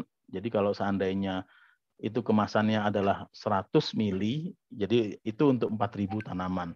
Dua hari sebelum pindah tanaman disemprotkan seperti itu. Diikuti oleh atau di, di ya preza karena itu di pertanaman. Nah, kalau misalnya virus kalau seandainya ini tidak dikendalikan di persemaian, dia akan muncul di usia sekitar 35 sampai 40 akan akan muncul. Nah, untuk itu harus dikendalikan secara optimal atau dilindungi secara optimal tanamannya. Ya, jadi 14 tahun 21 itu dilakukan penyemprotan presa dengan konsentrasi 2,5 mili per liter atau tadi ya eh, kalau 1,2 liter per hektar seperti itu lebih mudah ini sih konsentrasi ya 2,5 mili per liter. Kemudian baru di, dirotasikan dengan tadi Stargate ya. Ya Stargate ini umur 28 dan 35 dengan konsentrasi 0,6 mili per liter seperti itu. Ya kurang lebih berarti uh, 10 mili per eh uh, ya kali 15 ya 10 mili per, per tangki ya kurang lebih. Berarti ini untuk 10 tangki ya semuanya juga rata untuk 10 tangki supaya mudah lah. Ya, jadi ini adalah bagaimana kita mencegah dan menangkal virus dari awal. Karena virus itu kita tidak punya virusida apa untuk mengobati virusnya, tapi bagaimana kita mencegahnya dengan uh, mengendalikan vektor atau hama pembawanya seperti itu. Jadi ini paket pengendali vektor uh, virus ya. Uh, minus dua hari Verimax, kemudian dilakukan Preza 14 dan 21, kemudian Stargate 28 dan 35. Sekian mungkin uh, paparannya dari saya. Uh, wassalamualaikum warahmatullahi wabarakatuh. Waalaikumsalam. Terima kasih Pak Dudi luar biasa ini. Lengkap saya, sekali. Jadi mungkin saya ingin kali tanya, yang luar biasa. Monggo. Saya ingin tanya Pak Dudi. Monggo, monggo uh, Pak. Karena ini sistemik ya. Siap. Uh, sejauh mana itu ada dampak terhadap produknya Pak? Terhadap cabenya sendiri. Oh ya, jadi memang kita uh, juga mengacu yang namanya uh, eh, MRL, Pak ya. Uh, eh, MRL itu artinya maksimum residu limit yang boleh di apa namanya di ini kan apa boleh kita uh, ada sekian sekian misalnya ppm sekian gitu. Nah itu kita mengacu ke situ, Pak. Jadi hmm. itu uh, secara dampak itu masih uh, apa masih bagus Pak untuk ke, tan ke tanaman cabai ya. tidak uh, masih aman kan tadi dari ada label hijau, terus kemudian ada biru. Memang biru itu perhatian, tapi sepanjang itu pengendaliannya mengikuti rekomendasi itu relatif aman, Pak. Seperti itu, Pak. Terus kalau virus itu menyerang sampai ke jaringan, Pak, eh, hmm. bagaimana? Ya, apakah sampai ke bijinya juga yang bisa menjadi benih, ya. gitu, Pak? Ya, uh, ini juga satu hal yang debatable, Pak ya. Jadi apa kalau misalnya apa namanya menurut saya sih memang kalau virus ini kemungkinan juga apa kalau sudah sampai ke buah gitu ya artinya sampai dia terjadinya buah itu dia akan uh, me, me, apa namanya menginfeksi dari menularkan melalui biji tapi ini masih debatable Pak sebetulnya. Mungkin kalau seandainya virus ini menurut saya sih apa ya kan kalau kondisinya virusnya apa parah ya. Itu mungkin tidak sampai terbentuknya buah pak. Karena hmm. boro-boro bisa berbuah gitu. Dari umur 40 hari aja udah kuning gitu kan dia mungkin sudah mandek udah apa tertekan gitu pak. Seperti itu. Gitu sih pak. Baik terima kasih pak. Terima kasih Muhammad jadi Pak Budi ini Pak Budi saya kira ini mungkin banyak sekali nih teman-teman penyuluh ini. Ini yang hadir aja di sini yang mengikuti hampir 600 orang ini kelihatannya menarik memang cabai ini pedas ya, ya. tapi menarik gitu ya. Nanti betul, betul pak. nanti minta kontak yang bisa dihubungi dan kita Siap. juga barangkali bapak nanti bisa dimasuk di Wikitani juga ini akan menjadi komunikasi terus dengan teman-teman penyuluh terutama di lapangan ini. Mereka sangat haus sekali dengan ilmu yang bapak sampaikan tadi. Terima kasih Pak. Rudi ya. Sama-sama pak. Terima kasih pak. Ya ini nampaknya Pak Hamid udah hadir nih. Pak Hamid gimana? Udah sehat ya. Uh, Alhamdulillah nggak ada apa-apa Pak. Ya. Uh, Bisa negatif. dimulai Pak Hamid ya kita karena uh. saya kira saya nggak usah ngenalin Bang Hamid ya karena beliau adalah uh, sudah terkenal di dunia persilatan cabai ini jadi jadi artinya uh, pendekar cabai dan ketua asosiasi. Silakan Pak Hamid supaya uh. tadi sudah dimulai dengan Pak Dudi ini bagus sekali tadi dari MNC ya. ini. Ya. Memang di samping benih juga masalah penyahama penyakit ini di cabai itu luar biasa. Nanti juga di pasarnya juga barangkali Bang Hamid bisa menyampaikan juga. Terima kasih Silahkan, Pak, Pak Mul. Terima kasih, terima kasih. Assalamualaikum warahmatullahi wabarakatuh. Waalaikumsalam. Kita mudah-mudahan kita minta salam hormat Mas Dudi. Terima kasih penjelasannya luar biasa ini. Mungkin kita akan uh, rekomendasi ke anggota-anggota kita juga yang Terima ada kasih, Pak. Saya siap bantu, Pak. Siap, siap Mas. Ah, kita sama-sama ini Mas. Ah, ya. Oke, saya izin share screen ya. Ah, saya izin share screen. Share. Hmm, jadi, uh, oke. Okay. Saya biasanya harus ada yang ngebantu nih Pak, karena agak-agak gaptek kita kalau yang begini nih. Oke, okay, ini kok. Uh, se... Bisa dibantu panitia mungkin juga. Uh, uh, uh, uh. Lalu kok jadi ya ya Surya. Kok jadi apa papa pencet bentar ini. Wan coba Wan dibantu Wan.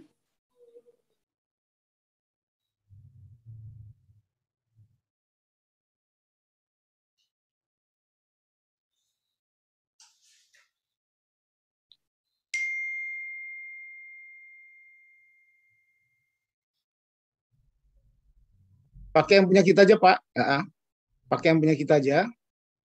Uh, you have... hmm. Kita pakai yang punya kita aja, Pak. Izin, Pak. Ya, silakan. Ya. Uh, ini kan ini udah benar. Ini dari belakang. Uh, ya, oke. Okay. Ya. Ya, terima kasih ini uh, agak-agak gagap-gagap nih pagi ini kita ada sedikit-sedikit yang harus dicek ke rumah sakit. Terima kasih doa-doanya. Ada beberapa yang sudah sampaikan. Ya, eh, saya mesti dapat kesempatan pertama. Jadi kita coba membuat cerita kiat sukses budidaya cabai semua musim.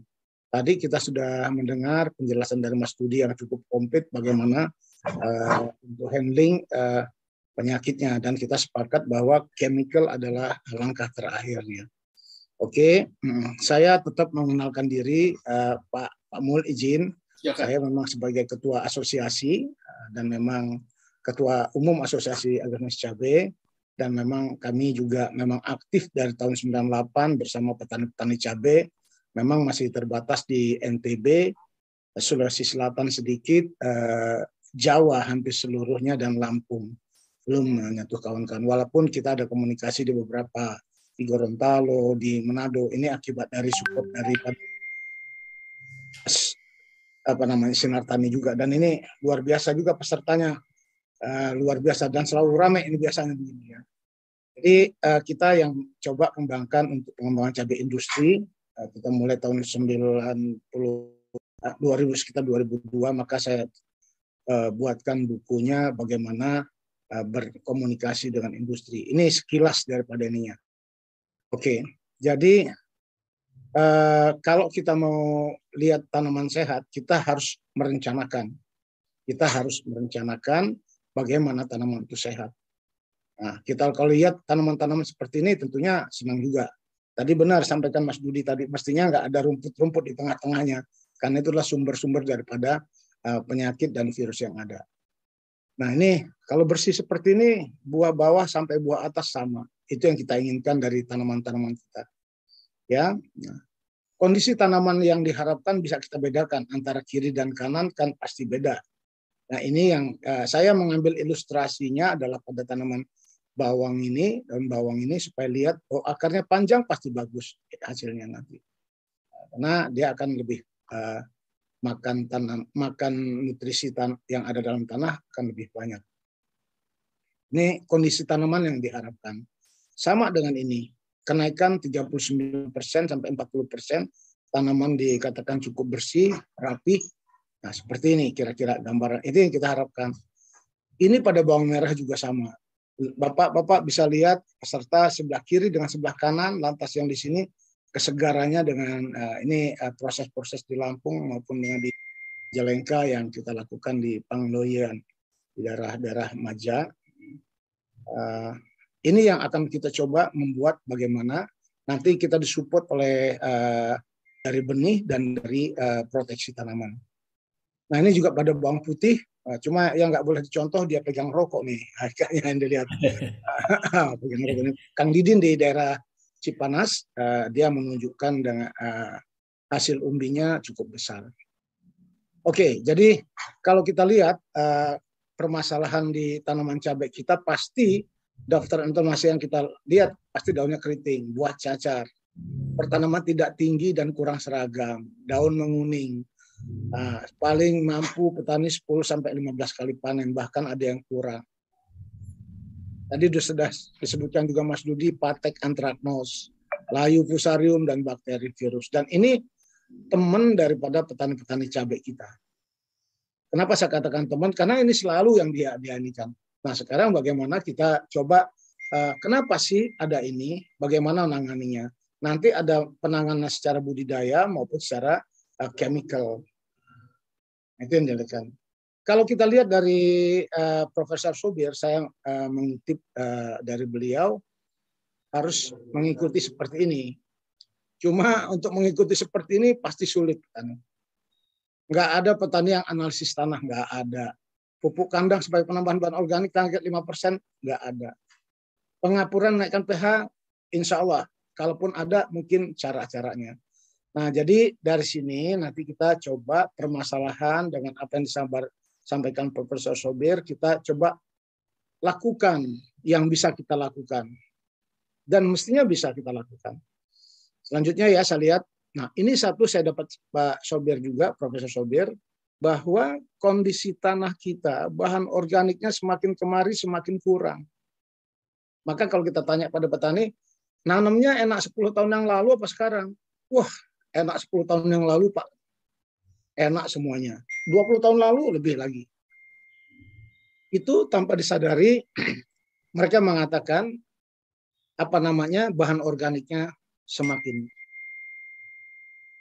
Oke, ya jadi nah kegiatan kita adalah uh, pada kegiatan ini saya hanya ingin menyampaikan bagaimana pengapuran, bagaimana sehatkan tanah, bagaimana kesehatan tanaman supaya nanti aspek-aspek pengendalian benih Nanti ada Mas Tahnovi dengan Pak Dudi tadi sudah sampaikan.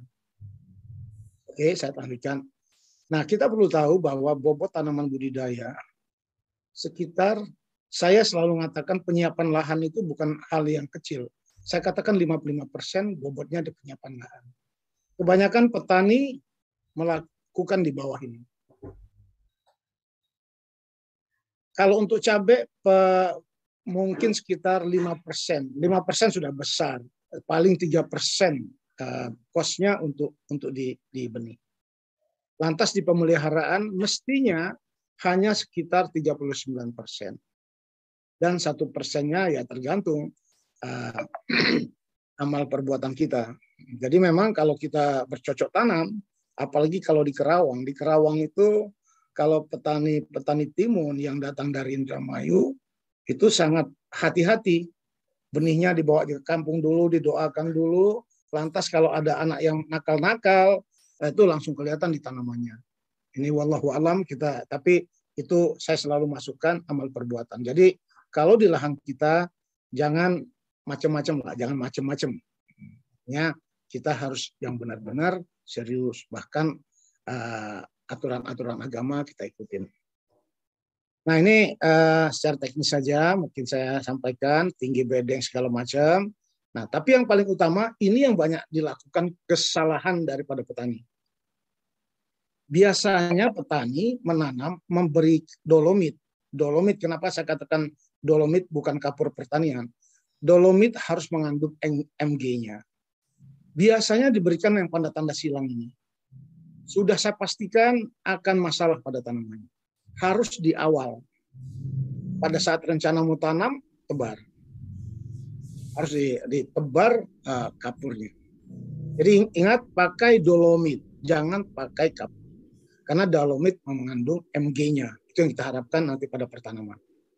Nah, idealnya sih memang antara 30 sampai 40 hari sebelumnya.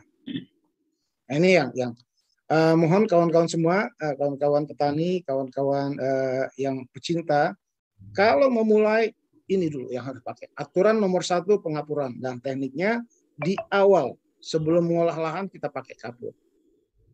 Dan sebaiknya dia memang diukur pH tanahnya. kita lihat. Nah, kita lihat di sini mana pH tanah kita. Kalau pH tanah kita 4,8 maka kita pakai 6 ton.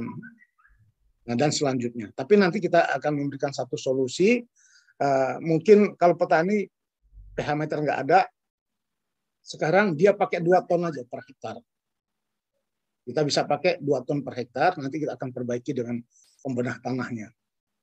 Nah, kalau dia 1000 meter berarti kan cuma 200 kilo.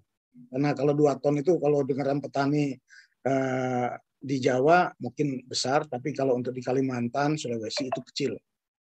Nah, kalau biasanya di Kalimantan itu bisa hektaran atau Sulawesi. Nah, jadi ini patokan-patokannya.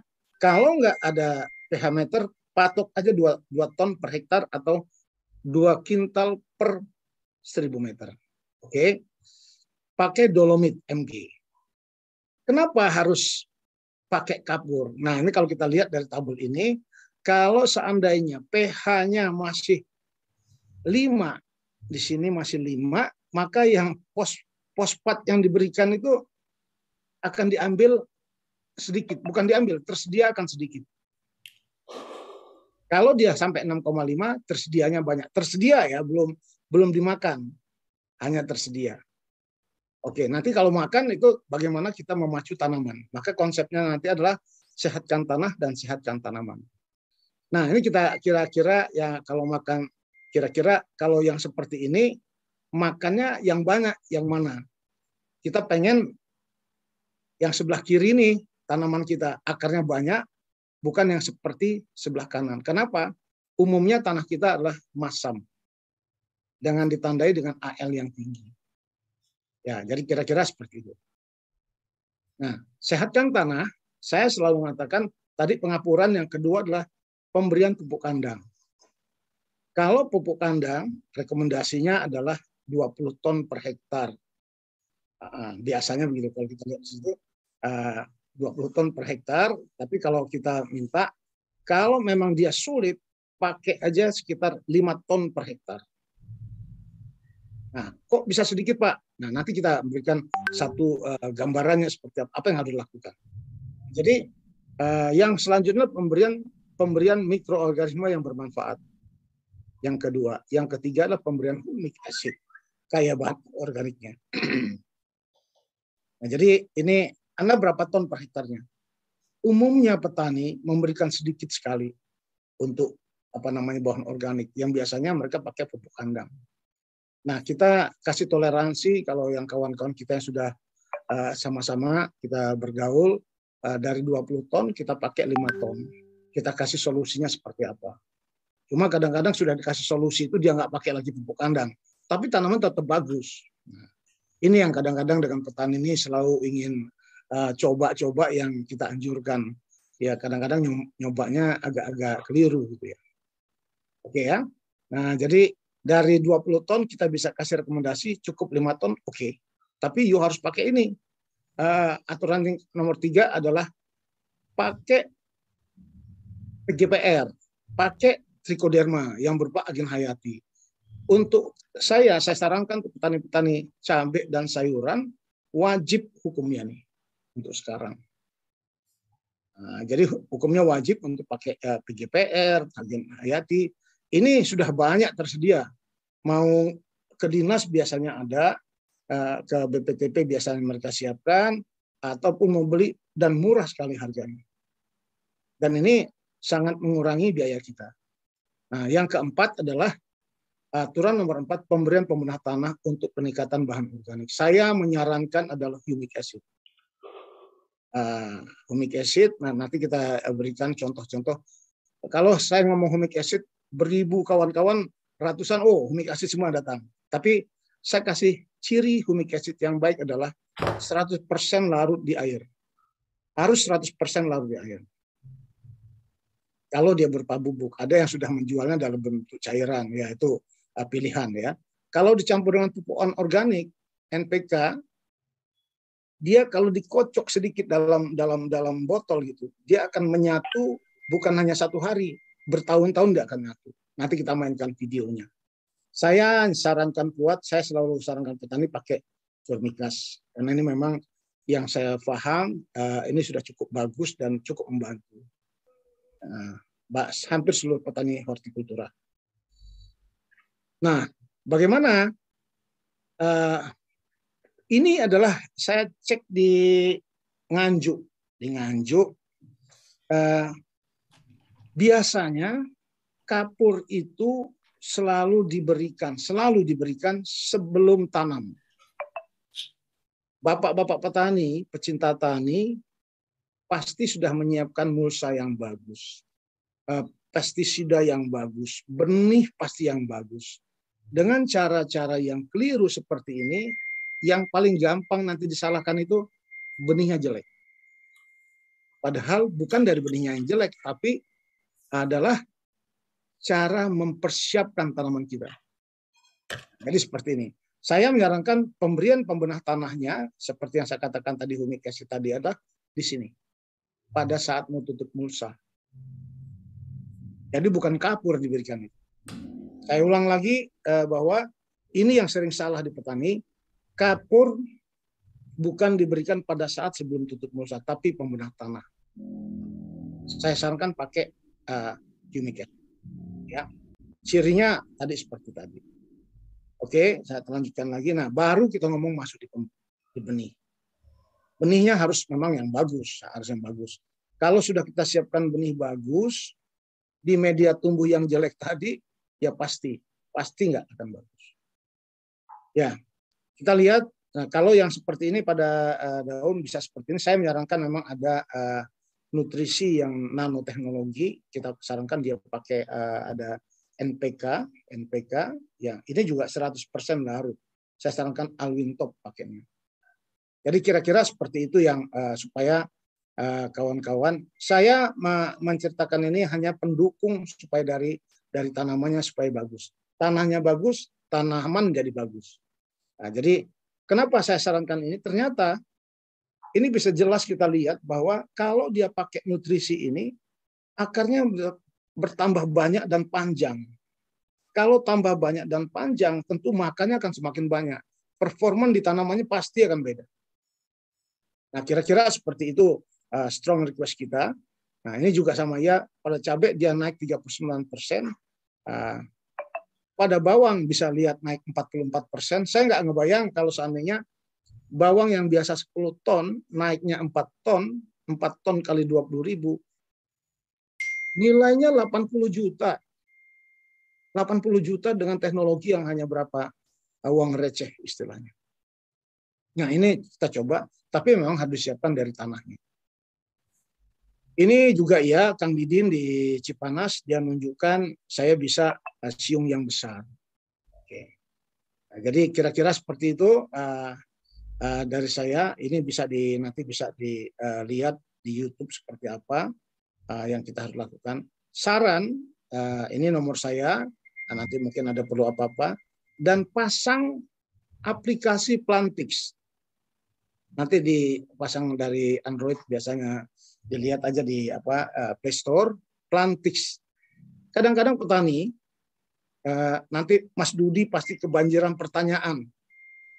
Kadang-kadang bisa 50 penanya uh, yang dia tanyakan seperti ini. Kalau petani bisa pasang aplikasi ini, dia bisa identifikasi sendiri minimal. Oh ini masalahnya. Oh obatnya.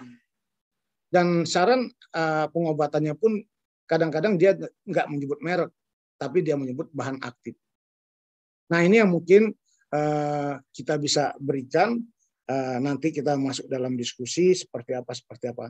Saya dari uh, sebagai ketua Asosiasi Agamis Cabai Indonesia kita wajib menggunakan benih yang bagus, lakukan penggunaan kimia secara wajar yang bagus juga.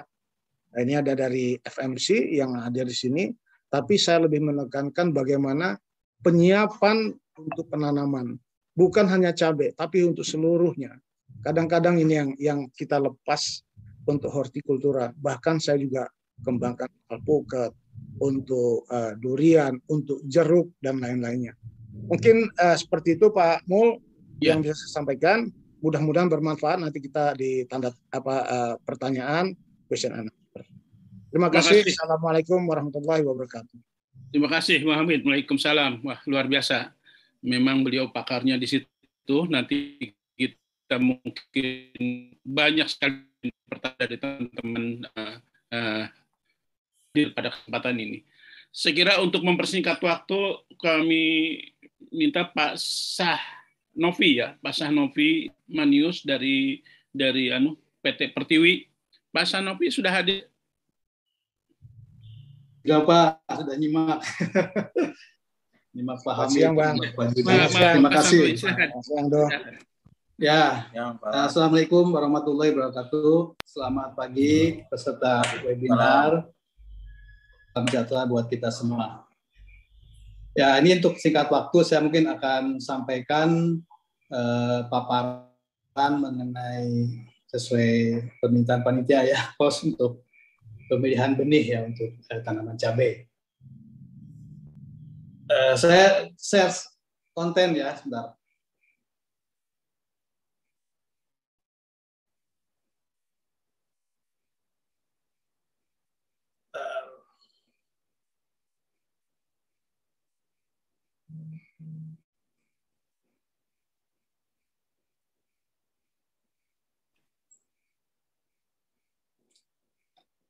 Baik, sudah nampak ya, ya. Bapak? Ya. ya. Baik, uh, pertama pertama-tama perkenalkan nama saya Sahnovi Manius dari PT Agri Mamur Pertiwi. Uh, uh, mungkin banyak yang belum tahu atau juga sudah tahu, tapi uh, tidak ada salahnya saya perkenalkan dulu mengenai perusahaan kami ya, Bapak Ibu sekalian. Jadi kami PT Agi Mamut Pertiwi itu uh, perusahaan yang bergerak di industri benih, ya, meliputi uh, benih uh, tanaman pangan seperti uh, padi dan jagung. Ya, mungkin banyak kalau petani jagung banyak juga yang kenal Pertiwi 2, Pertiwi 3, Pertiwi 5, Pertiwi 6 yang sudah komersial. Kemudian juga uh, kami ada benih uh, benih buah dan sayuran seperti buah semangka dan melon.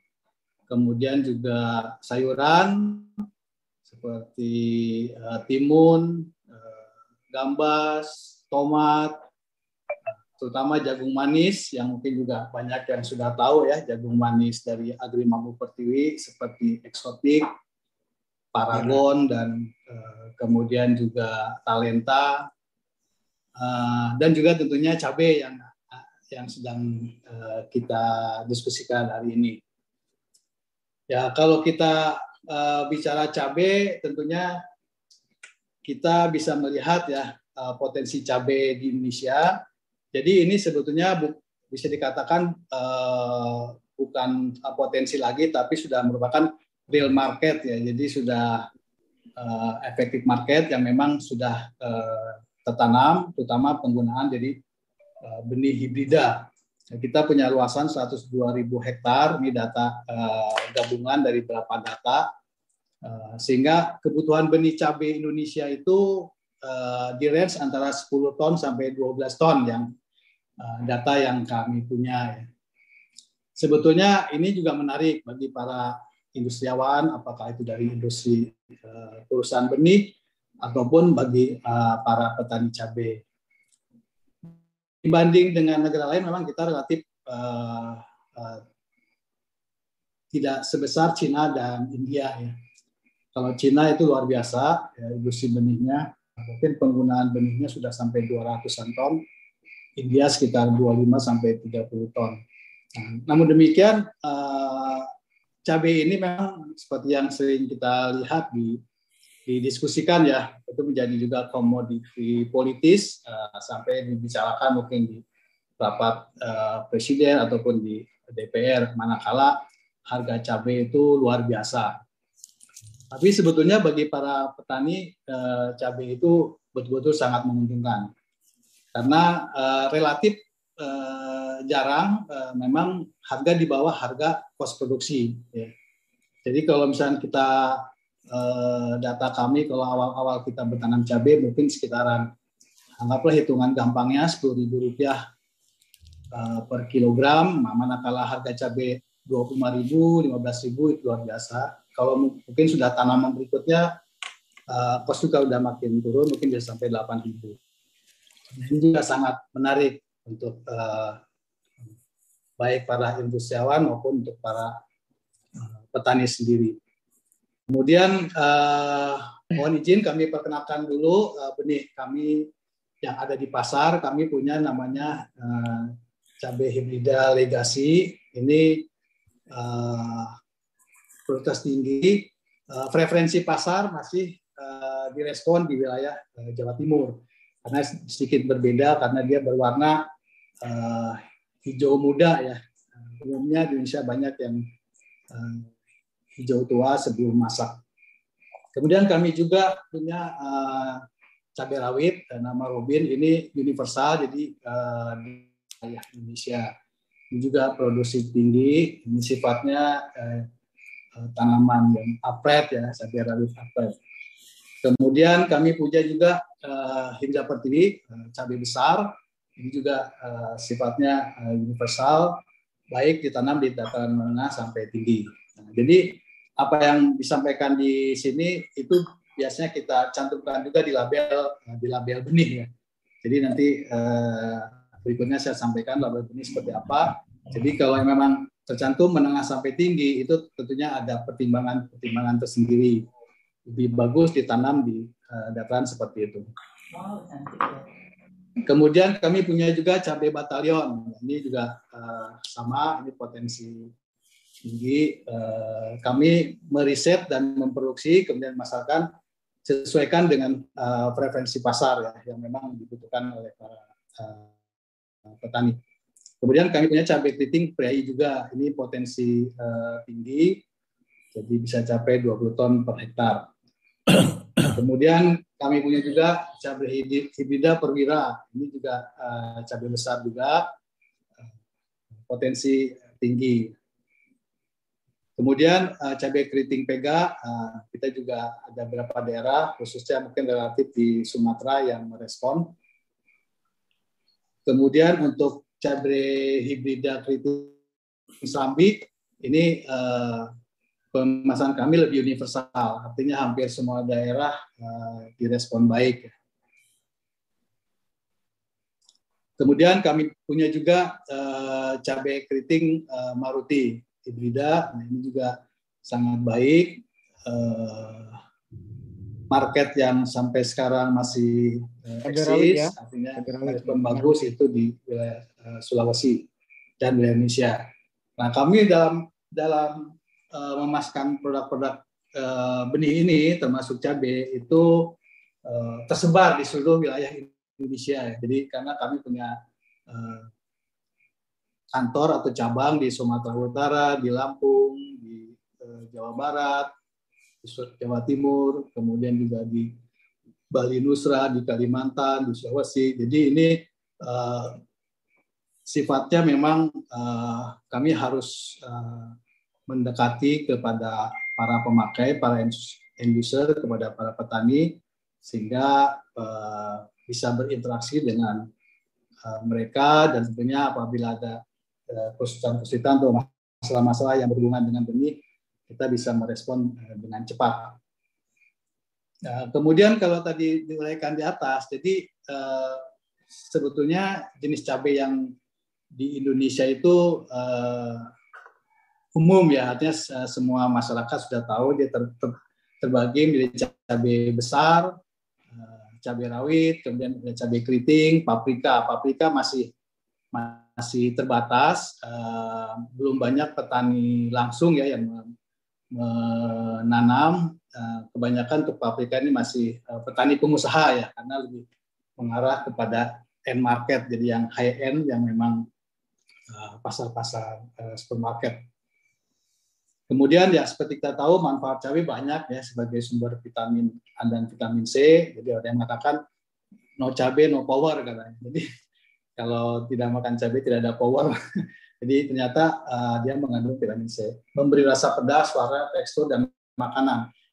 Jadi ada beberapa negara uh, mungkin kita lebih masih lebih banyak Indonesia untuk untuk konsumsi ya konsumsi konsumsi lab, langsung tapi di beberapa negara ada juga yang sudah mengarah kepada kosmetik ya seperti India itu pemanfaatannya juga banyak untuk kosmetik berwarna kemudian juga untuk industri-industri uh, rasa ya untuk membuat rasa itu mengarah ke situ termasuk di Cina pemanfaatannya sudah sudah uh, menyebar Kemudian juga tentunya sebagai sumber pendapatan bagi uh, para petani.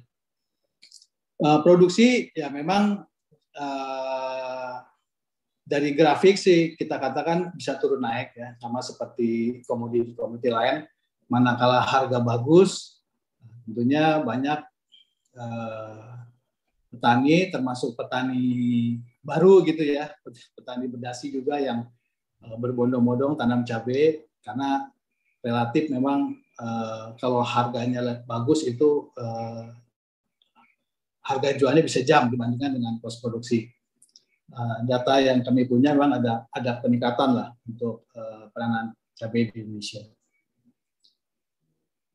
Kemudian kalau dari uh, budidaya, saya rasa Hamid sudah sampaikan uh, umum ya. Jadi kalau kita katakan panca usaha tani yang selama ini didengungkan oleh pemerintah itu dijalankan, tentunya itu juga eh, para petani cabai juga berusaha untuk bisa eh, menggunakan seperti itu. Jadi eh, lahan yang memang paling bagus dia yang open field ya, yang terbuka sehingga kena sinar matahari langsung. Kemudian tadi sempat disinggung masalah misalkan di greenhouse dan sebagainya itu sangat-sangat bisa dan tentunya malah sangat bagus karena bisa bisa mengkontrol uh, environment ya, mengontrol kelembaban dan sebagainya. Tetapi tentunya perlu dipertimbangkan masalah uh, biaya. Sehingga uh, pilihan open field masih masih menjadi uh, priority bagi para petani Indonesia. Tentunya juga tadi disinggung sama Pak Hamid masalah kandungan uh, tanahnya gitu kan paling tidak memang uh, tanah yang kita katakan relatif subur ya jangan sampai tidak ada unsur-unsur hara yang masih uh, dikandung di dalam tanah. Kemudian juga pH tanah jangan di daerah yang asam, disampaikan juga. Kemudian tentunya drainase yang baik, ya, itu dibutuhkan lah, ya, sama seperti yang saya sampaikan panca usaha tani itu. Kemudian eh, perbedaan uh, suhu juga tentunya mempengaruhi, termasuk ketinggian. Semakin kita tanam di uh, daerah yang lebih tinggi, tentunya akan mempengaruhi pada umur panen. Itu juga uh, sangat umum. Eh, sehingga untuk uh, pemilihan uh, varietas cabai itu tentunya sangat-sangat uh, dianjurkan untuk kita pilih yang punya produktivitas tinggi. Tentunya juga kalau bagi kami para perusahaan uh, industri benih ya itu tentunya mereka harus uji coba dulu di di lahan disesuaikan mengenai lingkungannya disesuaikan mengenai potensi yang bisa dihasilkan di daerah masing-masing nah barulah bisa teruji sehingga para petani tentunya bisa merespon uh, positif.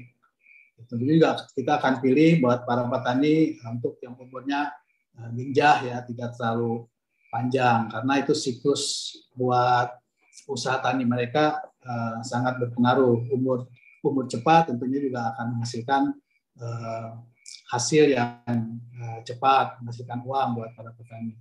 Kemudian juga uh, bisa dipilih yang punya daya simpan lama setelah panen itu juga tidak tidak cepat kering tidak cepat busuk itu juga uh, sangat disarankan dan tentunya juga ada uh, tingkat kepedasan jadi kalau kami di uh, industri benih kadang-kadang kita main memperkenalkan uh, benih di di pasar, di lapangan, di para petani, ya, itu kalau memang tidak ada yang pedas, ya tentunya juga tidak tidak dipilih ya. Jadi uh, nggak pedas pak, gitu. Jadi itu juga salah satu uh, pemilihan ya buat uh, termasuk buat para petani sendiri. Karena nantinya di pasarnya sendiri, di para uh, apa uh, lapak-lapak itu tentu juga sudah punya kriteria.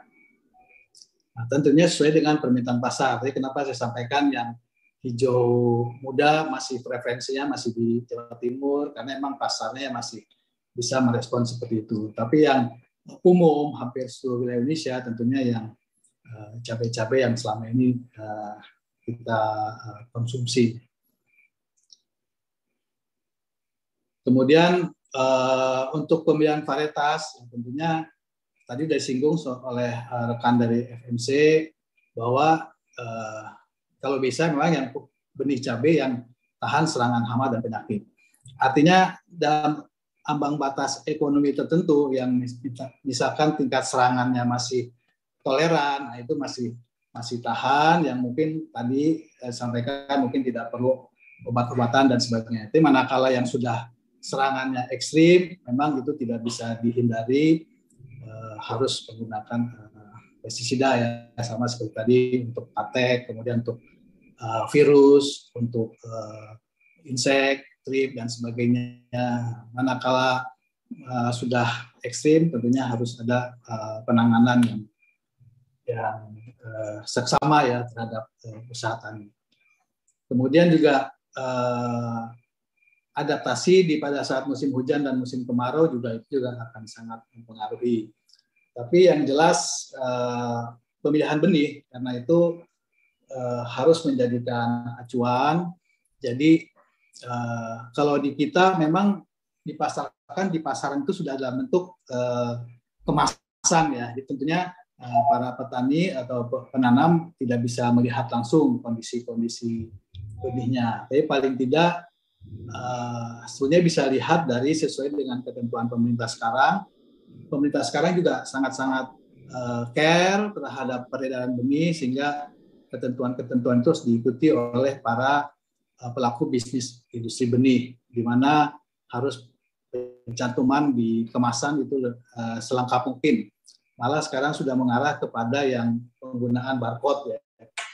Jadi uh, seperti yang kita pasarkan di dari benih PT Agri Mamut Pertiwi itu adalah uh, kemasan yang sesuai dengan uh, karakteristik dari uh, varietas tersebut. Misalkan kita cantumkan di label itu bentuk crop buah seperti apa. Jangan sampai kita nanti mau tanam cabai keriting, tetapi yang kita beli atau petani beli itu cabai besar.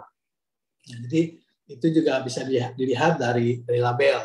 Nah, kemudian juga tentunya seperti yang tadi sampaikan dia cocok di dataran rendah atau dataran menengah karena dari kami tentunya hasil berdasarkan hasil dari penelitian-penelitian para breeder kami yang uh, sesuaikan jadi lebih cocok di uh, dataran seperti apa.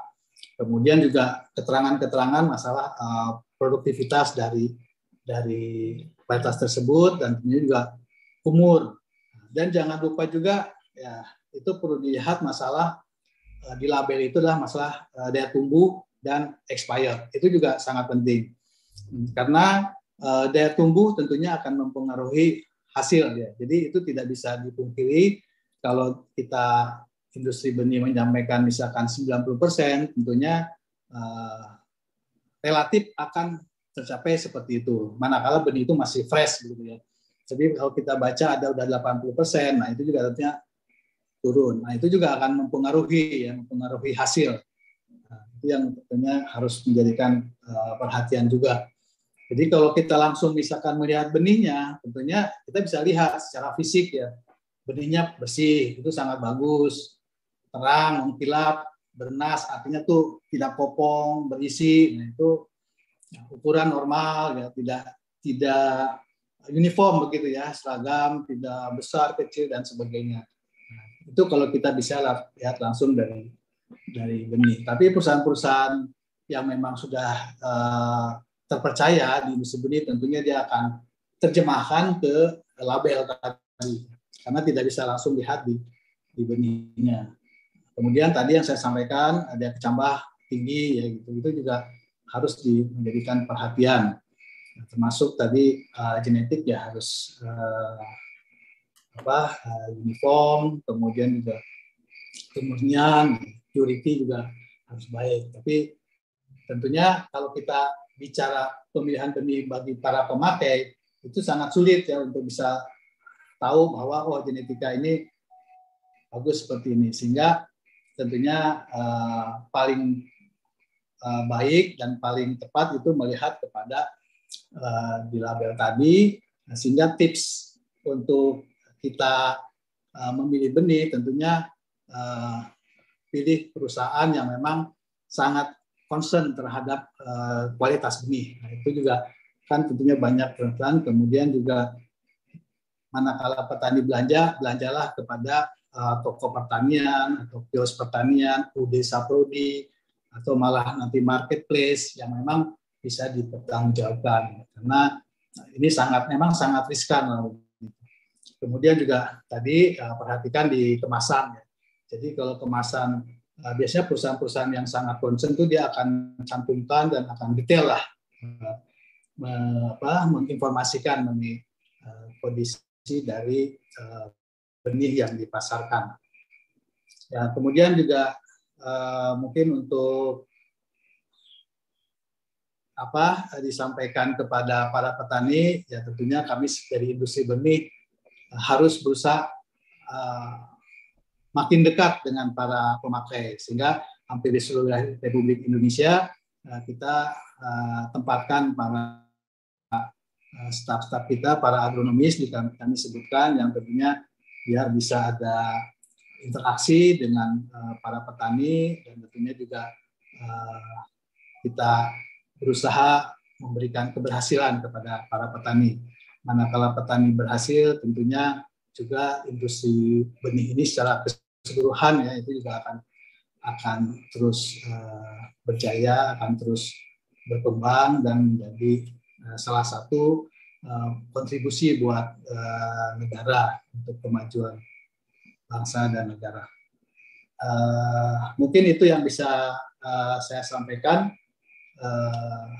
Terima kasih atas perhatiannya. Mudah-mudahan cabai akan tetap menjadi pedas ya sesuai dengan rasanya dan pedas dalam uh, harganya artinya baik untuk para petani gitu ya.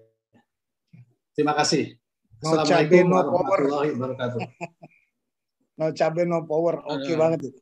Terima kasih Pak Sah Novi. Ya, memang uh, benih juga sangat menentukan ini. Mungkin lebih dari 29 persen itu menentukan sekali. Nah, kita untuk mempersingkat waktu, saya kira ke Pak Ook ya. Pak Ook sudah hadir di sini?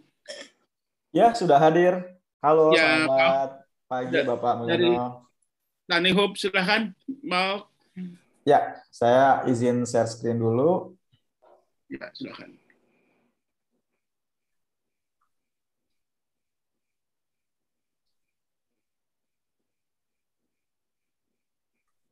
Apakah sudah terlihat jelas? Ya, Pak, jelas okay. Pak. Oke, terima kasih. Assalamualaikum warahmatullahi wabarakatuh. Selamat pagi uh, Bapak Ibu semuanya. Uh, terima kasih sudah uh, membuka topik-topik uh, sebelumnya yang sangat apa namanya bermanfaat dan sangat menarik sekali, tentunya terkait dengan budaya cabai. Di sini saya melengkapi di sisi e-commerce gitu ya, di mana kami Tani Hub Group sebagai pelaku industri yang sama gitu ya di agriculture, namun memang kita uh, base-nya adalah di teknologi uh, yang mana kita mengusung e-commerce itu sendiri.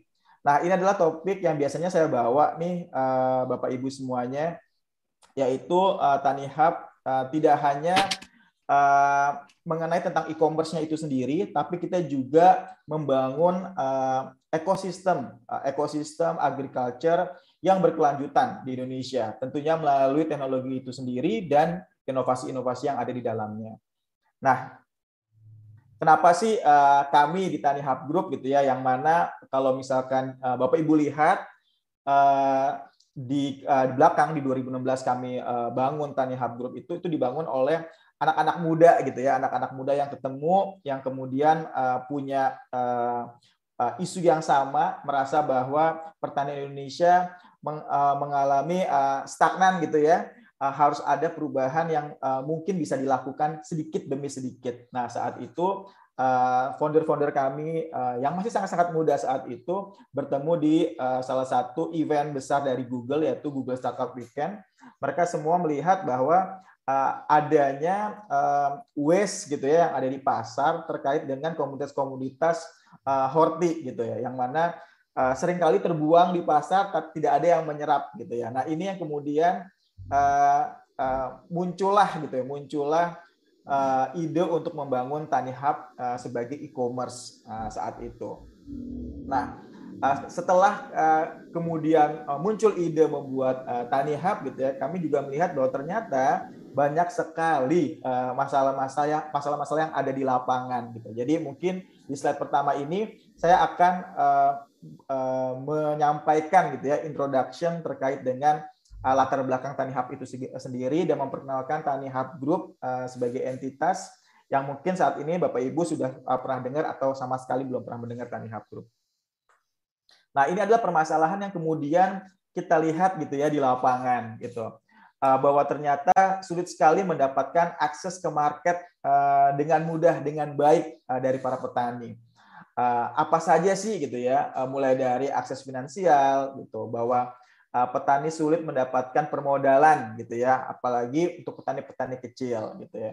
Uh, uh, untuk untuk permodalan dari bank perlu adanya apa namanya agunan gitu ya, perlu administrasi yang panjang dan lain sebagainya. Lalu multiple layers dari petani sampai ke customer itu sangat panjang panjang sekali sehingga harga yang didapat petani sama uh, harga komoditas yang dibeli oleh customer di uh, hilirnya gitu ya itu jauhnya uh, itu uh, bedanya uh, cukup jauh uh, cukup tinggi seperti itu. Nah karena petani rata-rata memang uh, pada umumnya pada umumnya tidak semuanya pada umumnya adalah uh, dari uh, keluarga petani juga gitu ya sehingga masih menggunakan cara-cara bertani yang uh, tradisional yang masih menerapkan knowledge knowledge yang sama dari bapak ibu sebelumnya gitu ya dan uh, para petani juga sadar gitu ya untuk mendapatkan spek yang dibutuhkan para uh, uh, customer yang ada di uh, market gitu yang ada di pasar gitu ya itu perlu uh, production cost yang uh, cukup tinggi gitu seperti uh, mulai dari uh, ben, uh, penyediaan benihnya, uh, lalu kemudian belum pupuknya, lalu uh, belum lagi pestisida dan lain sebagainya. Ini ada ada high high production cost yang perlu di-provide atau perlu disediakan. Lalu kemudian minim juga informasi market demand atau pasar tuh butuhnya yang seperti apa sih gitu ya. Kalau tadi uh, uh, uh, uh, cabai gitu kita kita ngomongin cabai gitu ya. Uh, Oke, okay, uh, kadang-kadang sering kali gitu ya. Uh, ini petani ikut-ikutan nih.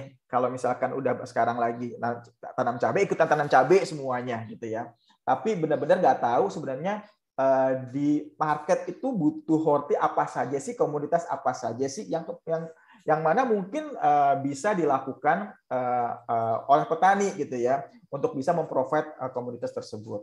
Lalu kemudian karena memang hanya ber, seringnya bergantung sama alam gitu ya terjadi yang namanya quantity and quality mismatch, supply inconsistency gitu ya. Misalnya udah ketemu nih yang akan meng, mengabsorb gitu ya sekian kuintal gitu ya, sekian ton gitu ya. Tapi uh, ternyata uh, panennya uh, tidak sesuai atau uh, atau secara panen secara kuantitas dapat banyak tapi ya tadi quality mismatch uh, ada spek-spek yang tidak bisa diserap yang akhirnya tidak semuanya uh, bisa diambil oleh pasar. Lalu kemudian para petani masih uh, menggunakan uh, packaging yang seadanya. Padahal kalau komoditas-komoditas horti ini adalah komoditas yang bisa dibilang adalah uh, perishable goods atau mudah rusak. Nah, ini yang yang yang uh, yang kerap kali gitu ya uh, lupa gitu ya, lupa untuk difikirkan. Lalu absen atau tidak adanya gudang-gudang yang proper, yang yang se, yang seharusnya ada gitu ya. Dalam artian di sini gudang-gudang yang mumpuni yang bisa menyimpan komunitas-komunitas ini menjadi lebih tahan lama gitu. Kemudian karena uh, para petani uh, sebagian besar adanya di rural dan suburban, ada di desa-desa, sedangkan market terbesarnya ada di kota, kecil maupun besar, maka ada jarak gitu ya sehingga terjadi namanya inefficient logistic cost. Karena kita tahu sekali bahwa pemerataan pembangunan di Indonesia ini tidak tidak merata gitu ya, tidak hanya di luar Pulau Jawa, di Pulau Jawa pun masih demikian. Nah, data yang kami dapatkan selama Tani Hub Group ada gitu ya di 2016 lalu bahwa 61 persen para petani ini memasuki usia aging, yaitu 45 tahun ke atas. Dan 74 persen dari mereka masih menggunakan cara-cara sederhana atau tradisional. Dan datanya lagi menunjukkan bahwa uh, 87 persen dari mereka uh, tidak menggunakan internet untuk membantu budidaya mereka gitu ya. Bahkan ada beberapa yang masih menggunakan internet tapi ya untuk hiburan saja gitu ya. Nah, 74% dari mereka masih menggunakan masih berlatar belakang pendidikan sekolah dasar dengan uh, mengelola uh, tanah yang kecil dan secara finansial mereka masih belum bisa mengelola dengan baik. Nah, Tani Hub Group ini ada dengan tagline Agriculture for Everyone karena kita ingin bahwa apa yang kami uh, bawa, apa yang kami sedang kerjakan ini, ini bisa menjadi concern buat semuanya. Harapannya adalah tentunya ketahanan pangan, tapi juga ada kemandirian pangan. Artinya Indonesia bisa mencukupi sendiri kebutuhan pangan nasional, bahkan juga setiap daerahnya bisa mencukupi kebutuhan eh, pangan daerahnya sendiri gitu ya. Baik itu secara rumahan maupun secara bisnis seperti itu. Nah, dengan adanya agriculture for everyone, kita juga mau mengajak bahwa tidak hanya eh, eh, mereka-mereka yang memang petani saja atau mereka-mereka yang punya latar belakang petani, tapi mereka-mereka yang semua punya minat ketertarikan dengan pertanian itu bisa bergabung di Tani Hub Group gitu ya sehingga bisa memajukan ekosistem ini. Karena apa yang kami uh, mau bangun sebenarnya adalah ekosistem pertaniannya. Jadi uh, di 2016 kami mulai dari uh, e-commerce platform uh, di mana ini ini adalah platform atau apps yang menjembatani menjembatani permintaan customer dengan petani-petani yang ada di lapangan. Nah, muncullah uh, aplikasi Hub ini. Uh, kita tidak hanya B2C tapi juga B2B, malah uh, sebagian besar kuenya lebih banyak di B2B.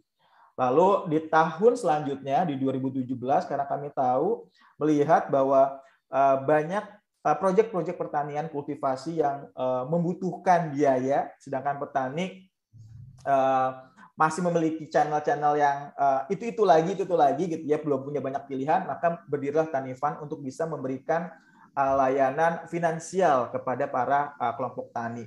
Uh, dengan cara adalah peer to peer lending. Jadi kita mengumpulkan uh, masyarakat di luar sana yang memang ingin berinvestasi ke proyek pertanian gitu. Jadi menggunakan uh, P2P lending kita sebutnya. Kemudian di tahun setelahnya kita juga tahu bahwa tadi ada masalah tentang packing uh, apa uh, pack, uh, proses, uh, proses packingnya, lalu kemudian uh, warehouse-nya, gudang-gudangnya, maka kami mendirikan Tani Supply, di mana ini menjadi backbone kami juga agar uh, komunitas yang kami bawa dari hulu kemudian sampai ke hilir ini bisa memiliki value yang tidak mudah rusak dan tetap terjaga. Nah, Tanihub sendiri sudah ISO sehingga secara kehigienisan atau secara uh, apa uh, safety uh, foodnya ini uh, terjaga. Bahkan juga kita sudah uh, proses untuk uh, uh, uh, sertifikat halal. Nah, Tani Hub Group, uh, Tani Hub Group ini ditopang oleh Tani Foundation, sebuah yayasan nirlaba, yang mana Tani Foundation ini uh, melakukan pemberdayaan kepada stakeholders dari Tani Hub Group secara keseluruhan. Tapi memang fokusnya akan lebih banyak ke petani yang menjadi core-nya dari uh, Tani Hub Group. Secara garis besar, uh, maka ini adalah kami. Uh, Tani Foundation akan memberikan akses informasi melalui pemberdayaan-pemberdayaan, pengetahuan, teknologi, dan juga bagaimana mengelola keuangan, dan Tanifan memberikan akses modal yang lebih mudah dan friendly kepada para petani. Dan untuk akses ke pasar, Tani Supla dan Tani Hub eh, memberikan cara yang paling eh, termudah dan terbaik. Nah, manfaat bagi para petani tentunya adalah kita memberikan harga pasar yang paling fairness. Eh, mungkin kita tidak bisa menjamin bahwa customer akan mendapat harga termurah kalau beli di Tani Hub Group gitu ya. Tapi customer uh, sorry tapi petani akan mendapatkan harga yang paling fair. Lalu akses permodalan yang mudah tentunya dan terjadi inklusi dan literasi keuangan sehingga para petani jadi tahu bagaimana mengelola keuangannya dengan baik. Sehingga ketika dapat panen besar dan semuanya terserap dengan baik, itu uangnya bisa diputar lagi untuk bisa menghasilkan proyek-proyek kultivasi yang lebih baik lagi. Nah, untuk customer adalah pasokan yang konstan tentunya, lalu kemudian proses pembunuhan pesanan mudah karena semuanya menggunakan aplikasi dan menjadi solusi logistik pangan bagi UMKM dan juga bisnis-bisnis kecil, menengah maupun besar. Nah ini uh, uh, apa chainnya kami gitu ya, mulai dari petani, lalu kemudian uh, sampai ke uh, tani supply untuk supply chainnya, sampai ke uh, customer kami yang tidak hanya uh, tidak hanya perorangan, tapi juga ke Eh, modern retail, pasar-pasar modern, hotel, restoran, catering, pasar-pasar tradisional, pabrik-pabrik, bahkan kita juga sudah eh, sudah ekspor di tahun lalu di 2021. Semuanya base dengan semuanya base teknologi. Jadi ada ada lender websitenya buat para masyarakat yang memang ingin berinvestasi uangnya mulai dengan 100 ribu saja itu sudah bisa berinvestasi dengan produk-produk kultivasi yang ada di uh, Tanifan. Lalu para petani juga akan ada Corps Monitoring Apps, Farmer Apps, dan tentunya untuk customer ada client apps yaitu Tani Hub yang bisa diunduh di Play Store maupun di App Store. Nah, kami sudah ada kurang lebih enam cabang di Indonesia. Memang saat ini baru di uh, Jawa dan Bali, tapi kami terus uh, uh, ingin mengembangkan gitu ya. Kami ingin bisa menjangkau uh, semakin uh, banyak lagi para petani dan juga customer. Saat ini uh, pusat distribusi atau warehouse kami paling terbesar ada di Cikarang, Jawa Barat, itu sekitar 1,2 hektar. Lalu kemudian ada di Bandung, uh, Jawa Tengah, Surabaya, dan juga Denpasar, Bali. Kita juga mulai uh, menggalakkan yang namanya packing house, packing house gitu ya, fasilitas packing house.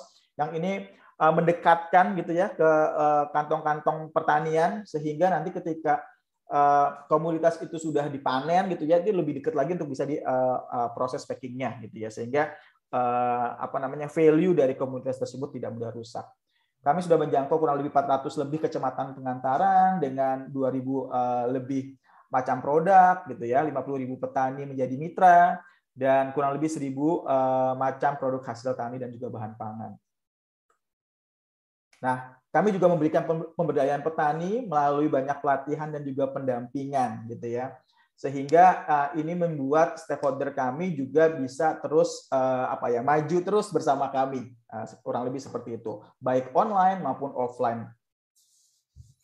Nah uh, channel online uh, bisnis yang mungkin bisa dilakukan uh, saat ini ini sebenarnya banyak banget gitu ya.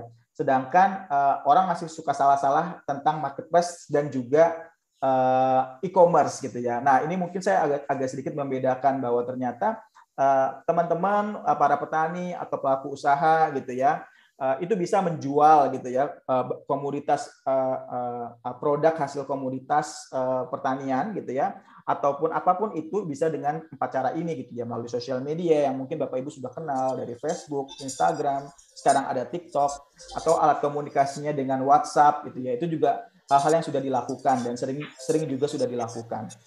Nah, kemudian yang menjadi pembeda adalah apa sih bedanya marketplace dan e-commerce gitu ya.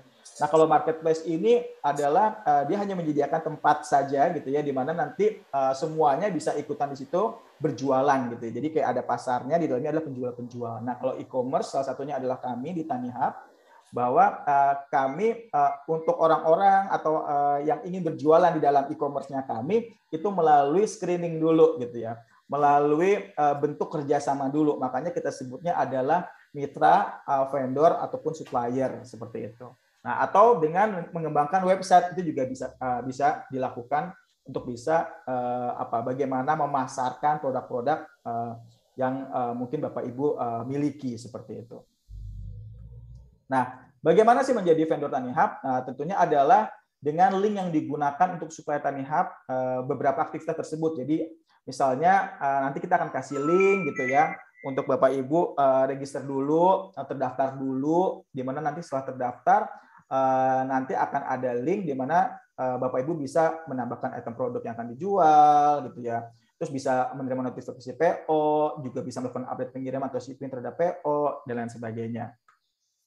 Nah, ini langkahnya adalah tentunya uh, melengkapi form registrasi, mengisi kontrak dagang, dan melampirkan dokumen pendukung seperti KTP, SIUP, TDP, NPWP, buku tabungan, dan atau rekening koran. Nah, caranya karena kami semua uh, kami memang biasanya adalah agritech, agriculture teknologi, jadi melalui link seperti ini, register uh, stripfarmers.tanihub.com. Kurang lebih seperti itu. Nah, nanti akan ada proses selanjutnya bagaimana nanti akan mengisi seperti ini dokumen-dokumennya dan juga kontrak dagang tani supply seperti ini. Nah, nanti skema kemitraan seperti apa? Nah, ini akan saya bagi dua gitu ya. Mana yang akan ada di sisi uh, kami di Tani Hub, mana yang akan di sisi uh, apa Bapak Ibu sebagai vendor gitu ya atau mitra gitu ya. Yang pertama nanti uh, kami akan mengupload permintaan penawaran, lalu kemudian memberikan permintaan penawaran, nanti dari vendor atau mitra akan menerima SMS, melihat detail penawaran, lalu akan mensubmit penawaran, lalu kemudian melihat penawaran dari vendor uh, dari sisi kami, lalu akan menyetujui penawaran tersebut uh, dan dari vendor juga akan melihat hasil penawarannya yang disetujui seperti apa. Kemudian dari kami akan membuat PO dan kemudian dari uh, petani atau vendor atau mitra akan menerima purchase ordernya. Nah, ini kurang lebih seperti ini. Nanti kalau sudah terregister dan akan dikasih link untuk membuat akun, maka akan membuat akun dalam bentuk seperti ini.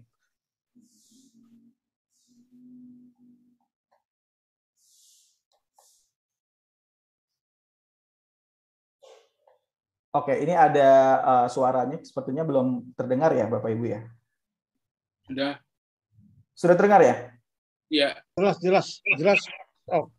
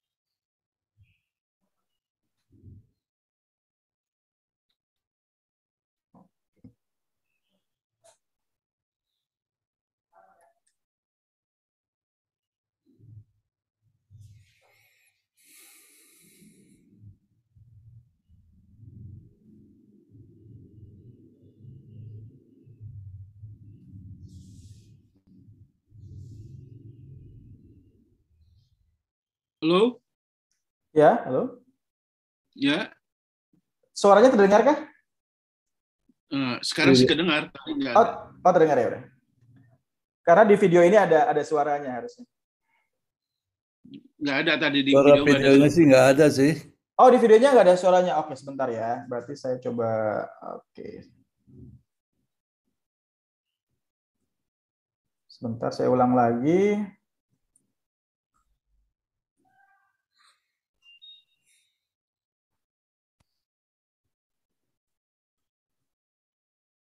Masuk. Nah, ada sekarang. Setelah berhasil masuk, Anda dapat menuju halaman penawaran dengan menekan menu penawaran di bagian kiri bawah. Pada halaman ini, Anda dapat melihat daftar permintaan penawaran yang diajukan oleh Tanihub kepada semua vendor. Terdapat dua macam filter pada halaman ini. Pertama adalah filter area pengiriman, di mana di sini Anda dapat memilih untuk menampilkan penawaran pada area pengiriman tertentu saja. Yang kedua adalah filter produk, di mana Anda dapat mencari produk yang sesuai dengan ketersediaan produk Anda. Pada setiap permintaan penawaran produk, terdapat beberapa keterangan. Yang pertama, kuantiti yang dibutuhkan merupakan kuantiti maksimum yang akan dibeli oleh Tanihub untuk produk tersebut. Kedua, area pengiriman merupakan area tujuan pengiriman untuk penawaran produk tersebut. Yang ketiga, tanggal sampai tujuan merupakan tanggal di mana barang tersebut harus sudah diterima oleh Tanihub. Lalu terdapat juga tanggal dan jam berwarna merah yang menunjukkan batas waktu pengajuan produk tersebut. Untuk melihat detail lebih lanjut, Anda dapat menekan permintaan produk tersebut. Pada bagian atas halaman detail penawaran ini, terdapat sisa waktu untuk Anda melakukan pengajuan penawaran produk. Kemudian terdapat detail info produk antara lain nama produk, grade SKU, kuantitas yang dibutuhkan Tanihub, area pengiriman, serta tanggal sampai di tujuan. Anda juga dapat melihat spesifikasi produk yang dibutuhkan oleh Tanihub dengan menekan download dan lihat spesifikasi. Perlu diingat bahwa mengirimkan produk yang tidak sesuai dengan spesifikasi yang terlampir beresiko pada penolakan saat barang dikirimkan. Pada bagian bawah terdapat juga detail alamat lengkap penerimaan. Alamat tersebut merupakan alamat tujuan pengiriman barang. Anda dapat melakukan dua kali penawaran pada produk yang sama. Untuk mengajukan penawaran, silakan menekan tombol Ajukan penawaran. Pada halaman ini, Anda diminta memasukkan kuantitas penawaran, batas pembelian minimum, dan harga jual yang diajukan. Kuantitas penawaran merupakan kuantitas yang dapat Anda sediakan pada permintaan pembelian tersebut. Batas pembelian minimum merupakan jumlah minimum pembelian dalam satu transaksi untuk produk tersebut. Harga adalah harga jual yang Anda ajukan untuk produk tersebut. Anda juga diharuskan untuk mengirimkan foto produk yang akan dikirimkan dengan menekan ikon upload foto. Anda dapat mengirimkan minimum satu foto dan maksimum 5 foto dalam satu kali pengajuan barang. Apabila data sudah lengkap, Anda dapat mengajukan penawaran dengan menekan tombol kirim penawaran.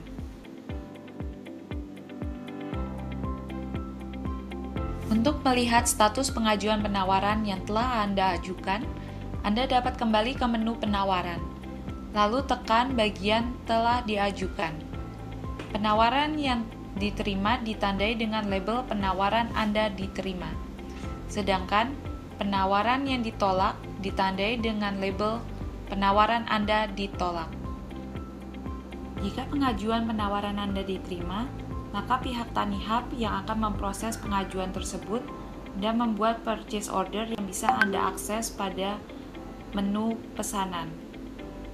Untuk melihat detail pesanan barang, Anda dapat menekan salah satu pesanan.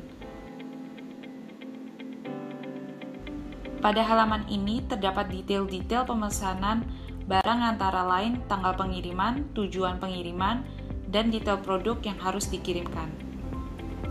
Apabila detail pesanan sudah sesuai dan barang siap untuk dikirimkan, Anda dapat menekan tombol update pengiriman. Pada halaman ini, Anda diminta untuk mengisi kuantitas produk yang akan dikirimkan dan juga data supir pengirim.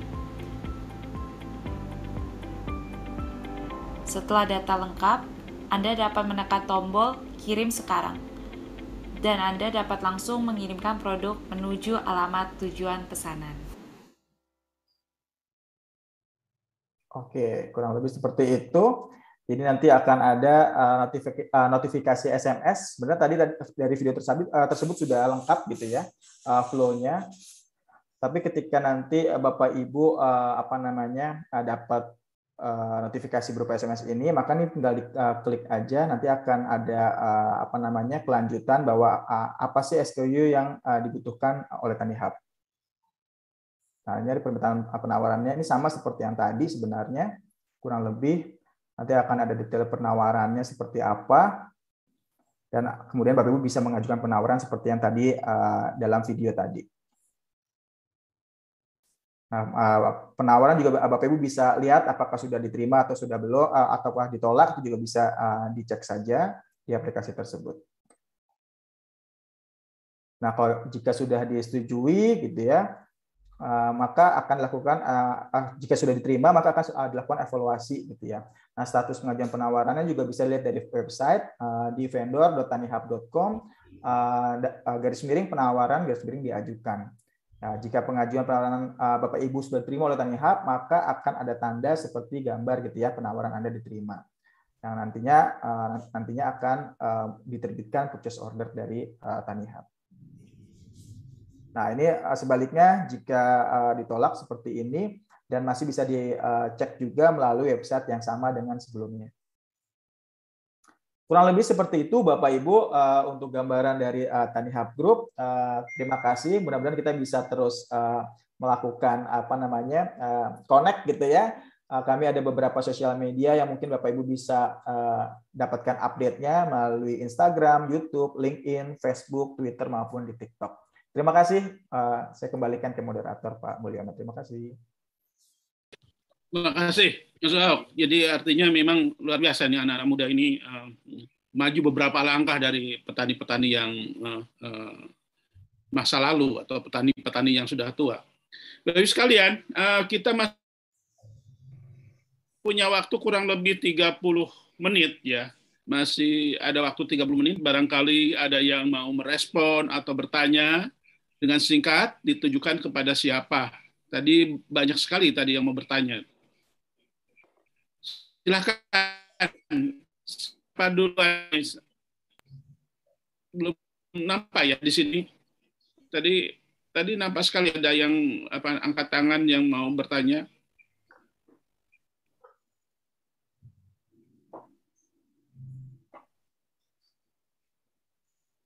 Halo?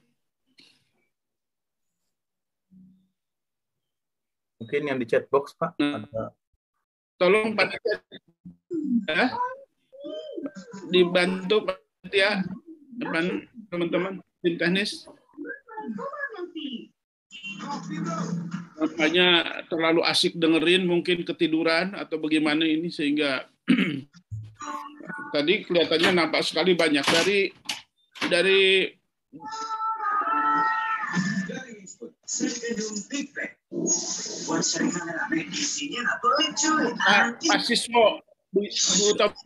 Iya. Iya, sebentar, Pak. Uh, masih saya nyalakan dulu. Bentar, kamera sama mikrofon saya. Iya, uh, selamat siang. Saya ingin bertanya ke Mas Oo Suyanto. Iya. Uh, uh, bentar, bentar. Tapi saya izin dulu ya, Pak, ya, untuk menyalakan lampu dulu. Maaf, maaf. Bentar, bentar. Izin dulu.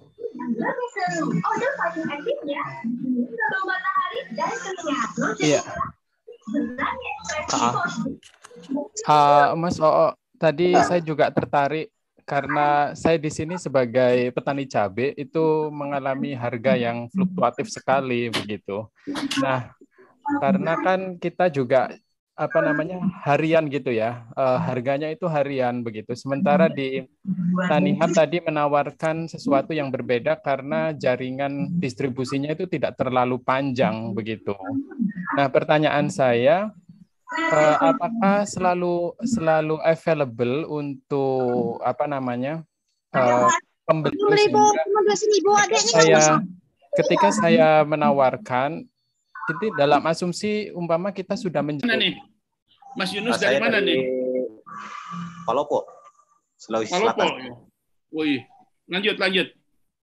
Uh, jadi bisa dilihat uh, hampir semua komoditi horti khususnya di wilayah kami itu uh, kebanyakan justru pedagang yang lebih untung dibanding petani.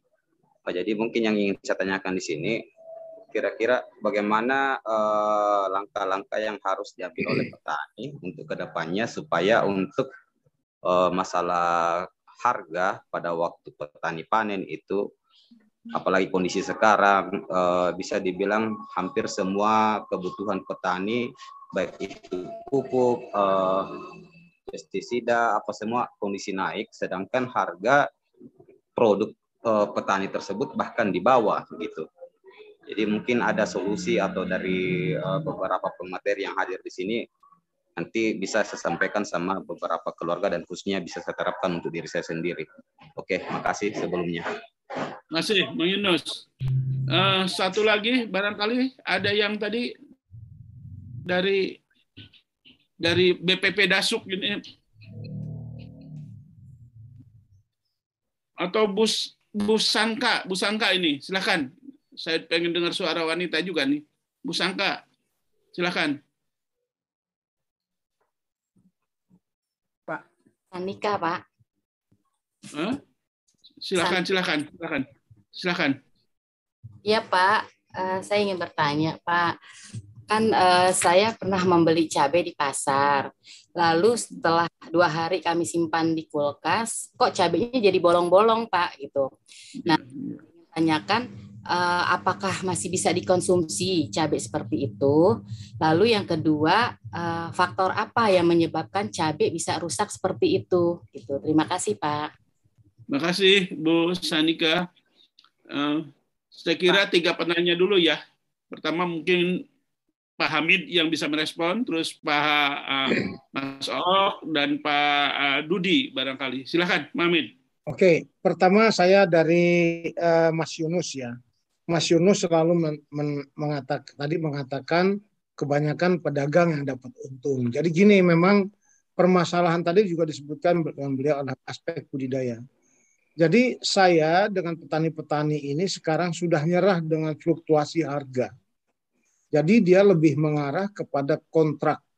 Jadi eh, ke depannya apa yang disampaikan oleh eh, dari Tani Hub tadi Mas Om tadi ke situ. Kita nggak bisa lagi. Memang dari dulu saya sampaikan petani itu harus untung bukan untung-untungan. Caranya untung adalah efisien di aspek budidaya. Tadi saya sampaikan bagaimana kapur yang 6 ton cukup pakai 2 ton. Pupuk kandang yang padi 20 ton pakai 5 ton. Nah, saya belum sampai mengatakan bisa nggak dengan penggunaan teknik budidaya ini kita kurangi pupuknya dari 30 persen. Bisa. Tergantung. Nah, tapi tergantung dari arah tanaman. Kalau kita bisa melakukan efisiensi ini, maka harga harga yang terendah pun kita nggak rugi. Dua tahun ini petani untung-untungan. Ingat di awal pandemik harga cabai 3000 Teriak semua. Termasuk Pak Mul juga membantu untuk menjualnya. Kawan-kawan di Jakarta untuk membantu membeli. Ada yang membeli satu ton, dipaksa beli satu ton. Nah, ini kita oke okay lah di masa pandemi ini kita coba memperbaiki. Saya kemarin ke Banyu Resmi, kawan-kawan di Banyu Resmi, Pak Hamid sudah Pak, saya nggak mau nggak kuat lagi ya ini. Di Sumedang juga begitu. Arahnya pada kontrak. Nah, saya sekarang sedang mengumpulkan uh, market itu dari hulu hilirnya. Kerjasama ke mana? Kawan-kawan pedagang. Ibu-ibu rumah tangga UKM yang kita bangun sekarang. Supaya harganya match. Mungkin ke depan dengan Tani Hub untuk membangun sistem ini, ekosistem ini. Uh, karena memang nggak bisa untuk mendapatkan. Kalau kita lihat pernah harga cabai 100 ribu, ya 80 ribu di berapa untuk cabai rawit Ternyata petani yang yang bisa panen 30 persen banyak gagal. Maka kalau saya lebih memperbaiki bagaimana mereka mempersiapkan tanamannya. Jangan gagal, jangan gagal panen, jangan gagal tanam. Kalau kalau gagal jual tuh keseringan petani. Keseringan. Nah ini yang harus kita kita bangun. Ekosistem ini kita mulai dari cara bercocok tanam. Nah gitu Mas Yunus, saya dengan senang hati Mas Yunus Muhyiddin untuk kita bisa berkomunikasi. uh, nanti bisa dicat aja nomor saya atau dicatat nomor saya yang, yang tadi itu kita coba untuk berkomunikasi mungkin saya bisa membantu aspek-aspek efisiensi Makasih. Kan, Makasih Bang Amin. Oke, mungkin sementara itu ya.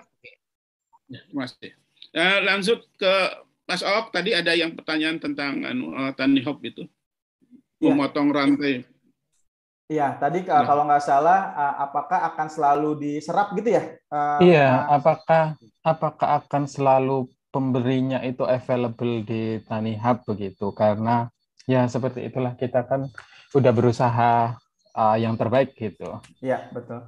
Ya jadi uh, kalau di kami itu ada dua jenis petani gitu ya. Tadi petani yang saya sempat sampaikan itu adalah bagaimana kalau itu petani menjadi mitra atau menjadi vendor atau supplier ke kita langsung seperti itu. Hmm. Jadi itu ada ada registrasinya dulu. Nah tapi ada juga petani yang menjadi uh, binaan artinya didanai oleh kami melalui Tanifan.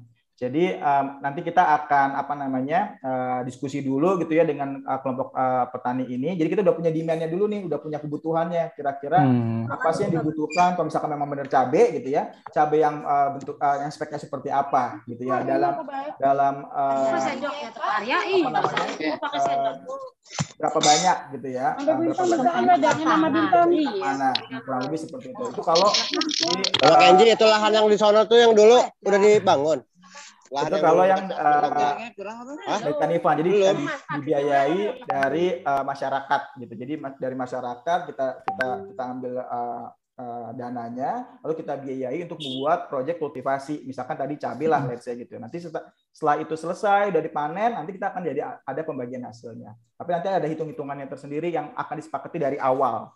Seperti itu. Uh, uh, mahasiswa. Tapi kalau uh, tidak jadi uh, binaan kami atau tidak didanai dari kami, itu juga bisa melalui cara yang tadi. Jadi register dulu, gitu. Nanti saya akan share di uh, kolom chat uh, registrasi farmers dulu. Nanti setelah registrasi farmers tersebut, uh, nanti akan ada apa namanya uh, next selanjutnya nanti uh, ngirimin sampel dulu, lalu kemudian sampai akhirnya nanti uh, bapak ibu benar-benar uh, sudah terdaftar menjadi uh, mitra atau vendornya dari Tanihub.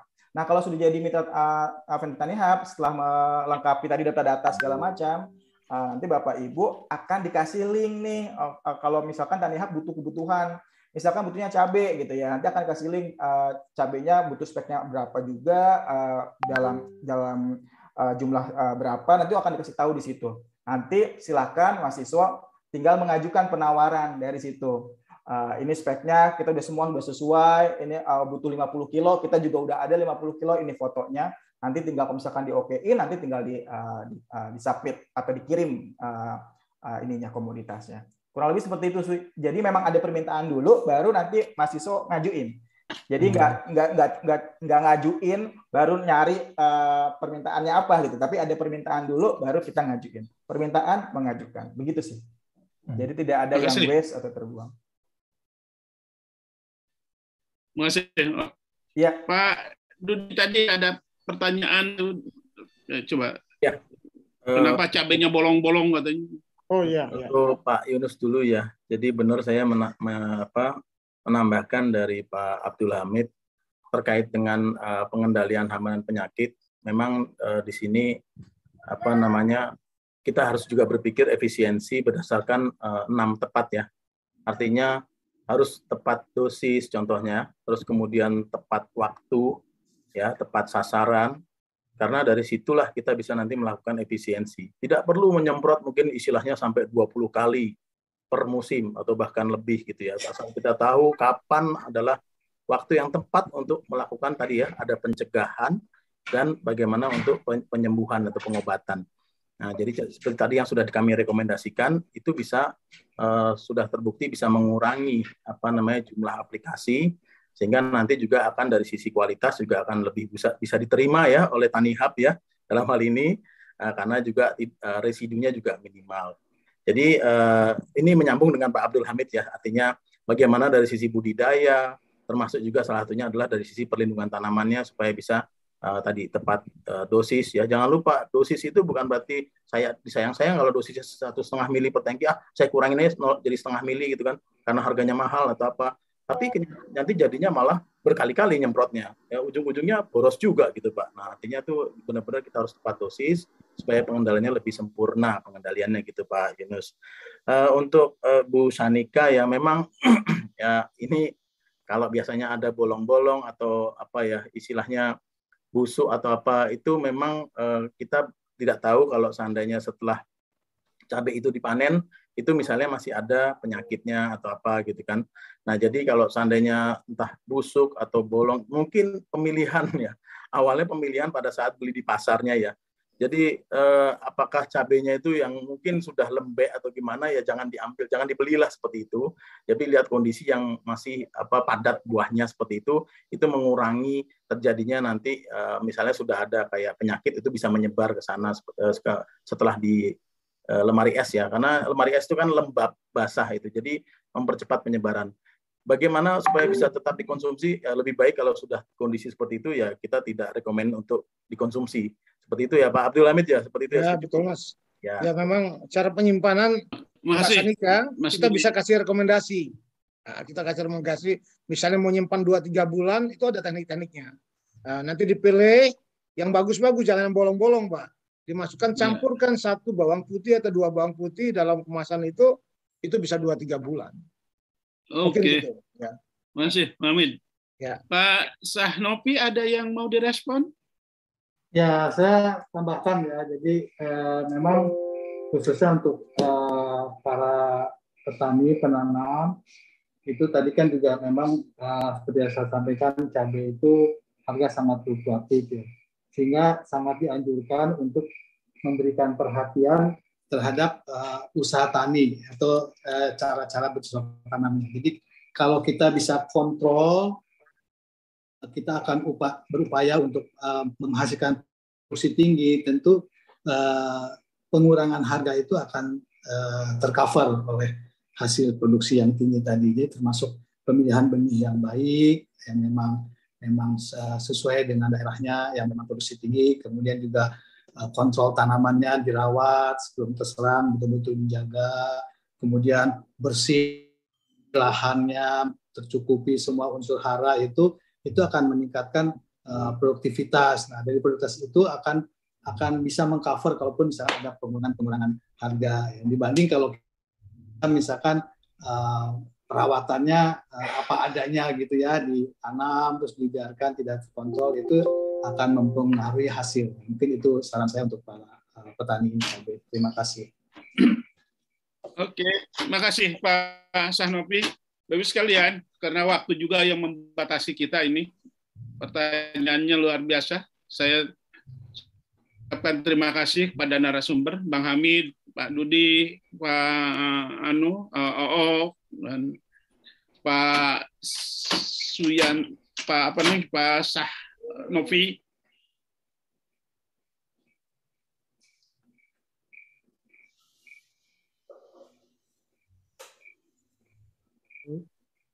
Closing statement dari Pak Memet dan sekaligus mohon di uh, menutup acara ini. Terima kasih. Saya sekali lagi ucapkan terima kasih. Assalamualaikum warahmatullahi wabarakatuh. Waalaikumsalam. Baik Pak Mul, terima kasih banyak dengan uh, uh, moderator yang begitu efektif ya. Saya kira kita mendapatkan informasi yang sangat baik dan lengkap dari Bapak Ibu sekalian. Bapak-bapak semua yang menyampaikan ini Pak Hamid, Pak Sah Novi, Pak Dudi, Pak Ook yang dan betul-betul uh, dari berbagai sisi sehingga kita mendapatkan informasi yang uh, sangat baik. Uh, saya boleh merangkum bahwa bisnis cabai ini mempunyai peluang yang sangat baik dan potensi yang sangat baik ya dari segi uh, manfaat, keuntungan, laba dan juga bagi konsumsi masyarakat yang Eh, ternyata masih sangat fluktuatif. Kadang-kadang sangat menguntungkan karena harganya tinggi, kadang-kadang juga merugi tidak hanya karena masalah cabainya sendiri mengalami kerusakan tetapi juga masalah pasar ya. Jadi cabai itu tadi dikatakan sangat sensitif. Sensitif terhadap hama, terhadap musim, terhadap harga ya dan inangnya uh, ternyata patogen dan lingkungannya sangat menentukan ya.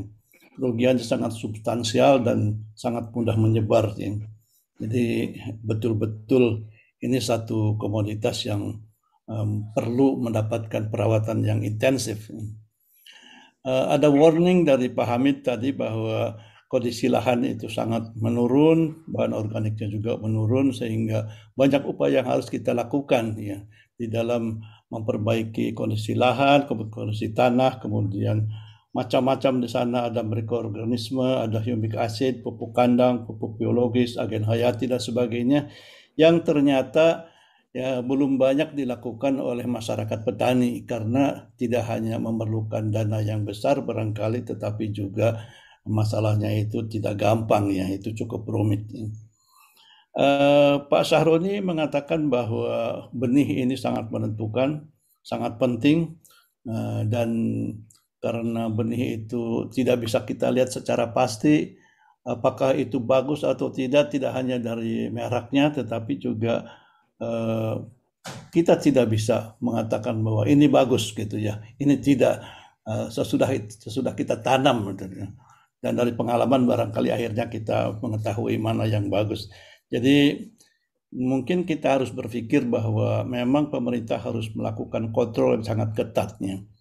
Harus ada sertifikasi yang itu sangat penting sehingga masyarakat dijamin bahwa benih yang dipakainya itu betul-betul yang yang bagus. Pak Oop mengatakan bahwa Eh, banyak kendala. Saya kira kita mengalami semua bahwa kendala-kendala itu uh, kita lihat di lapangan ya, masalah finansial, masalah agunan, masalah uh, jauhnya dari petani kepada konsumen, kemudian masih cara bertani yang tradisional, modalnya tinggi, informasinya yang tidak bisa langsung diterima oleh petani, mismatch packaging dan penyimpanan dan logistiknya. Ini uh, kita sadari semua dan uh, beberapa upaya sudah dilakukan antara lain oleh Tani Hub yang kemudian mengembangkan Tani Hub, Tani Fund dan kemudian Tani Supply ya. Saya kira ini salah satu upaya yang sangat uh, baik dan mempunyai dampak yang sangat positif ya. Uh, kita belum mempunyai pola-pola uh, seperti ini masih uh, sangat terbatas jumlahnya, tetapi saya kira banyak anak-anak muda yang sudah mulai bergerak di bidang ini dan mempunyai manfaat bagi para petani.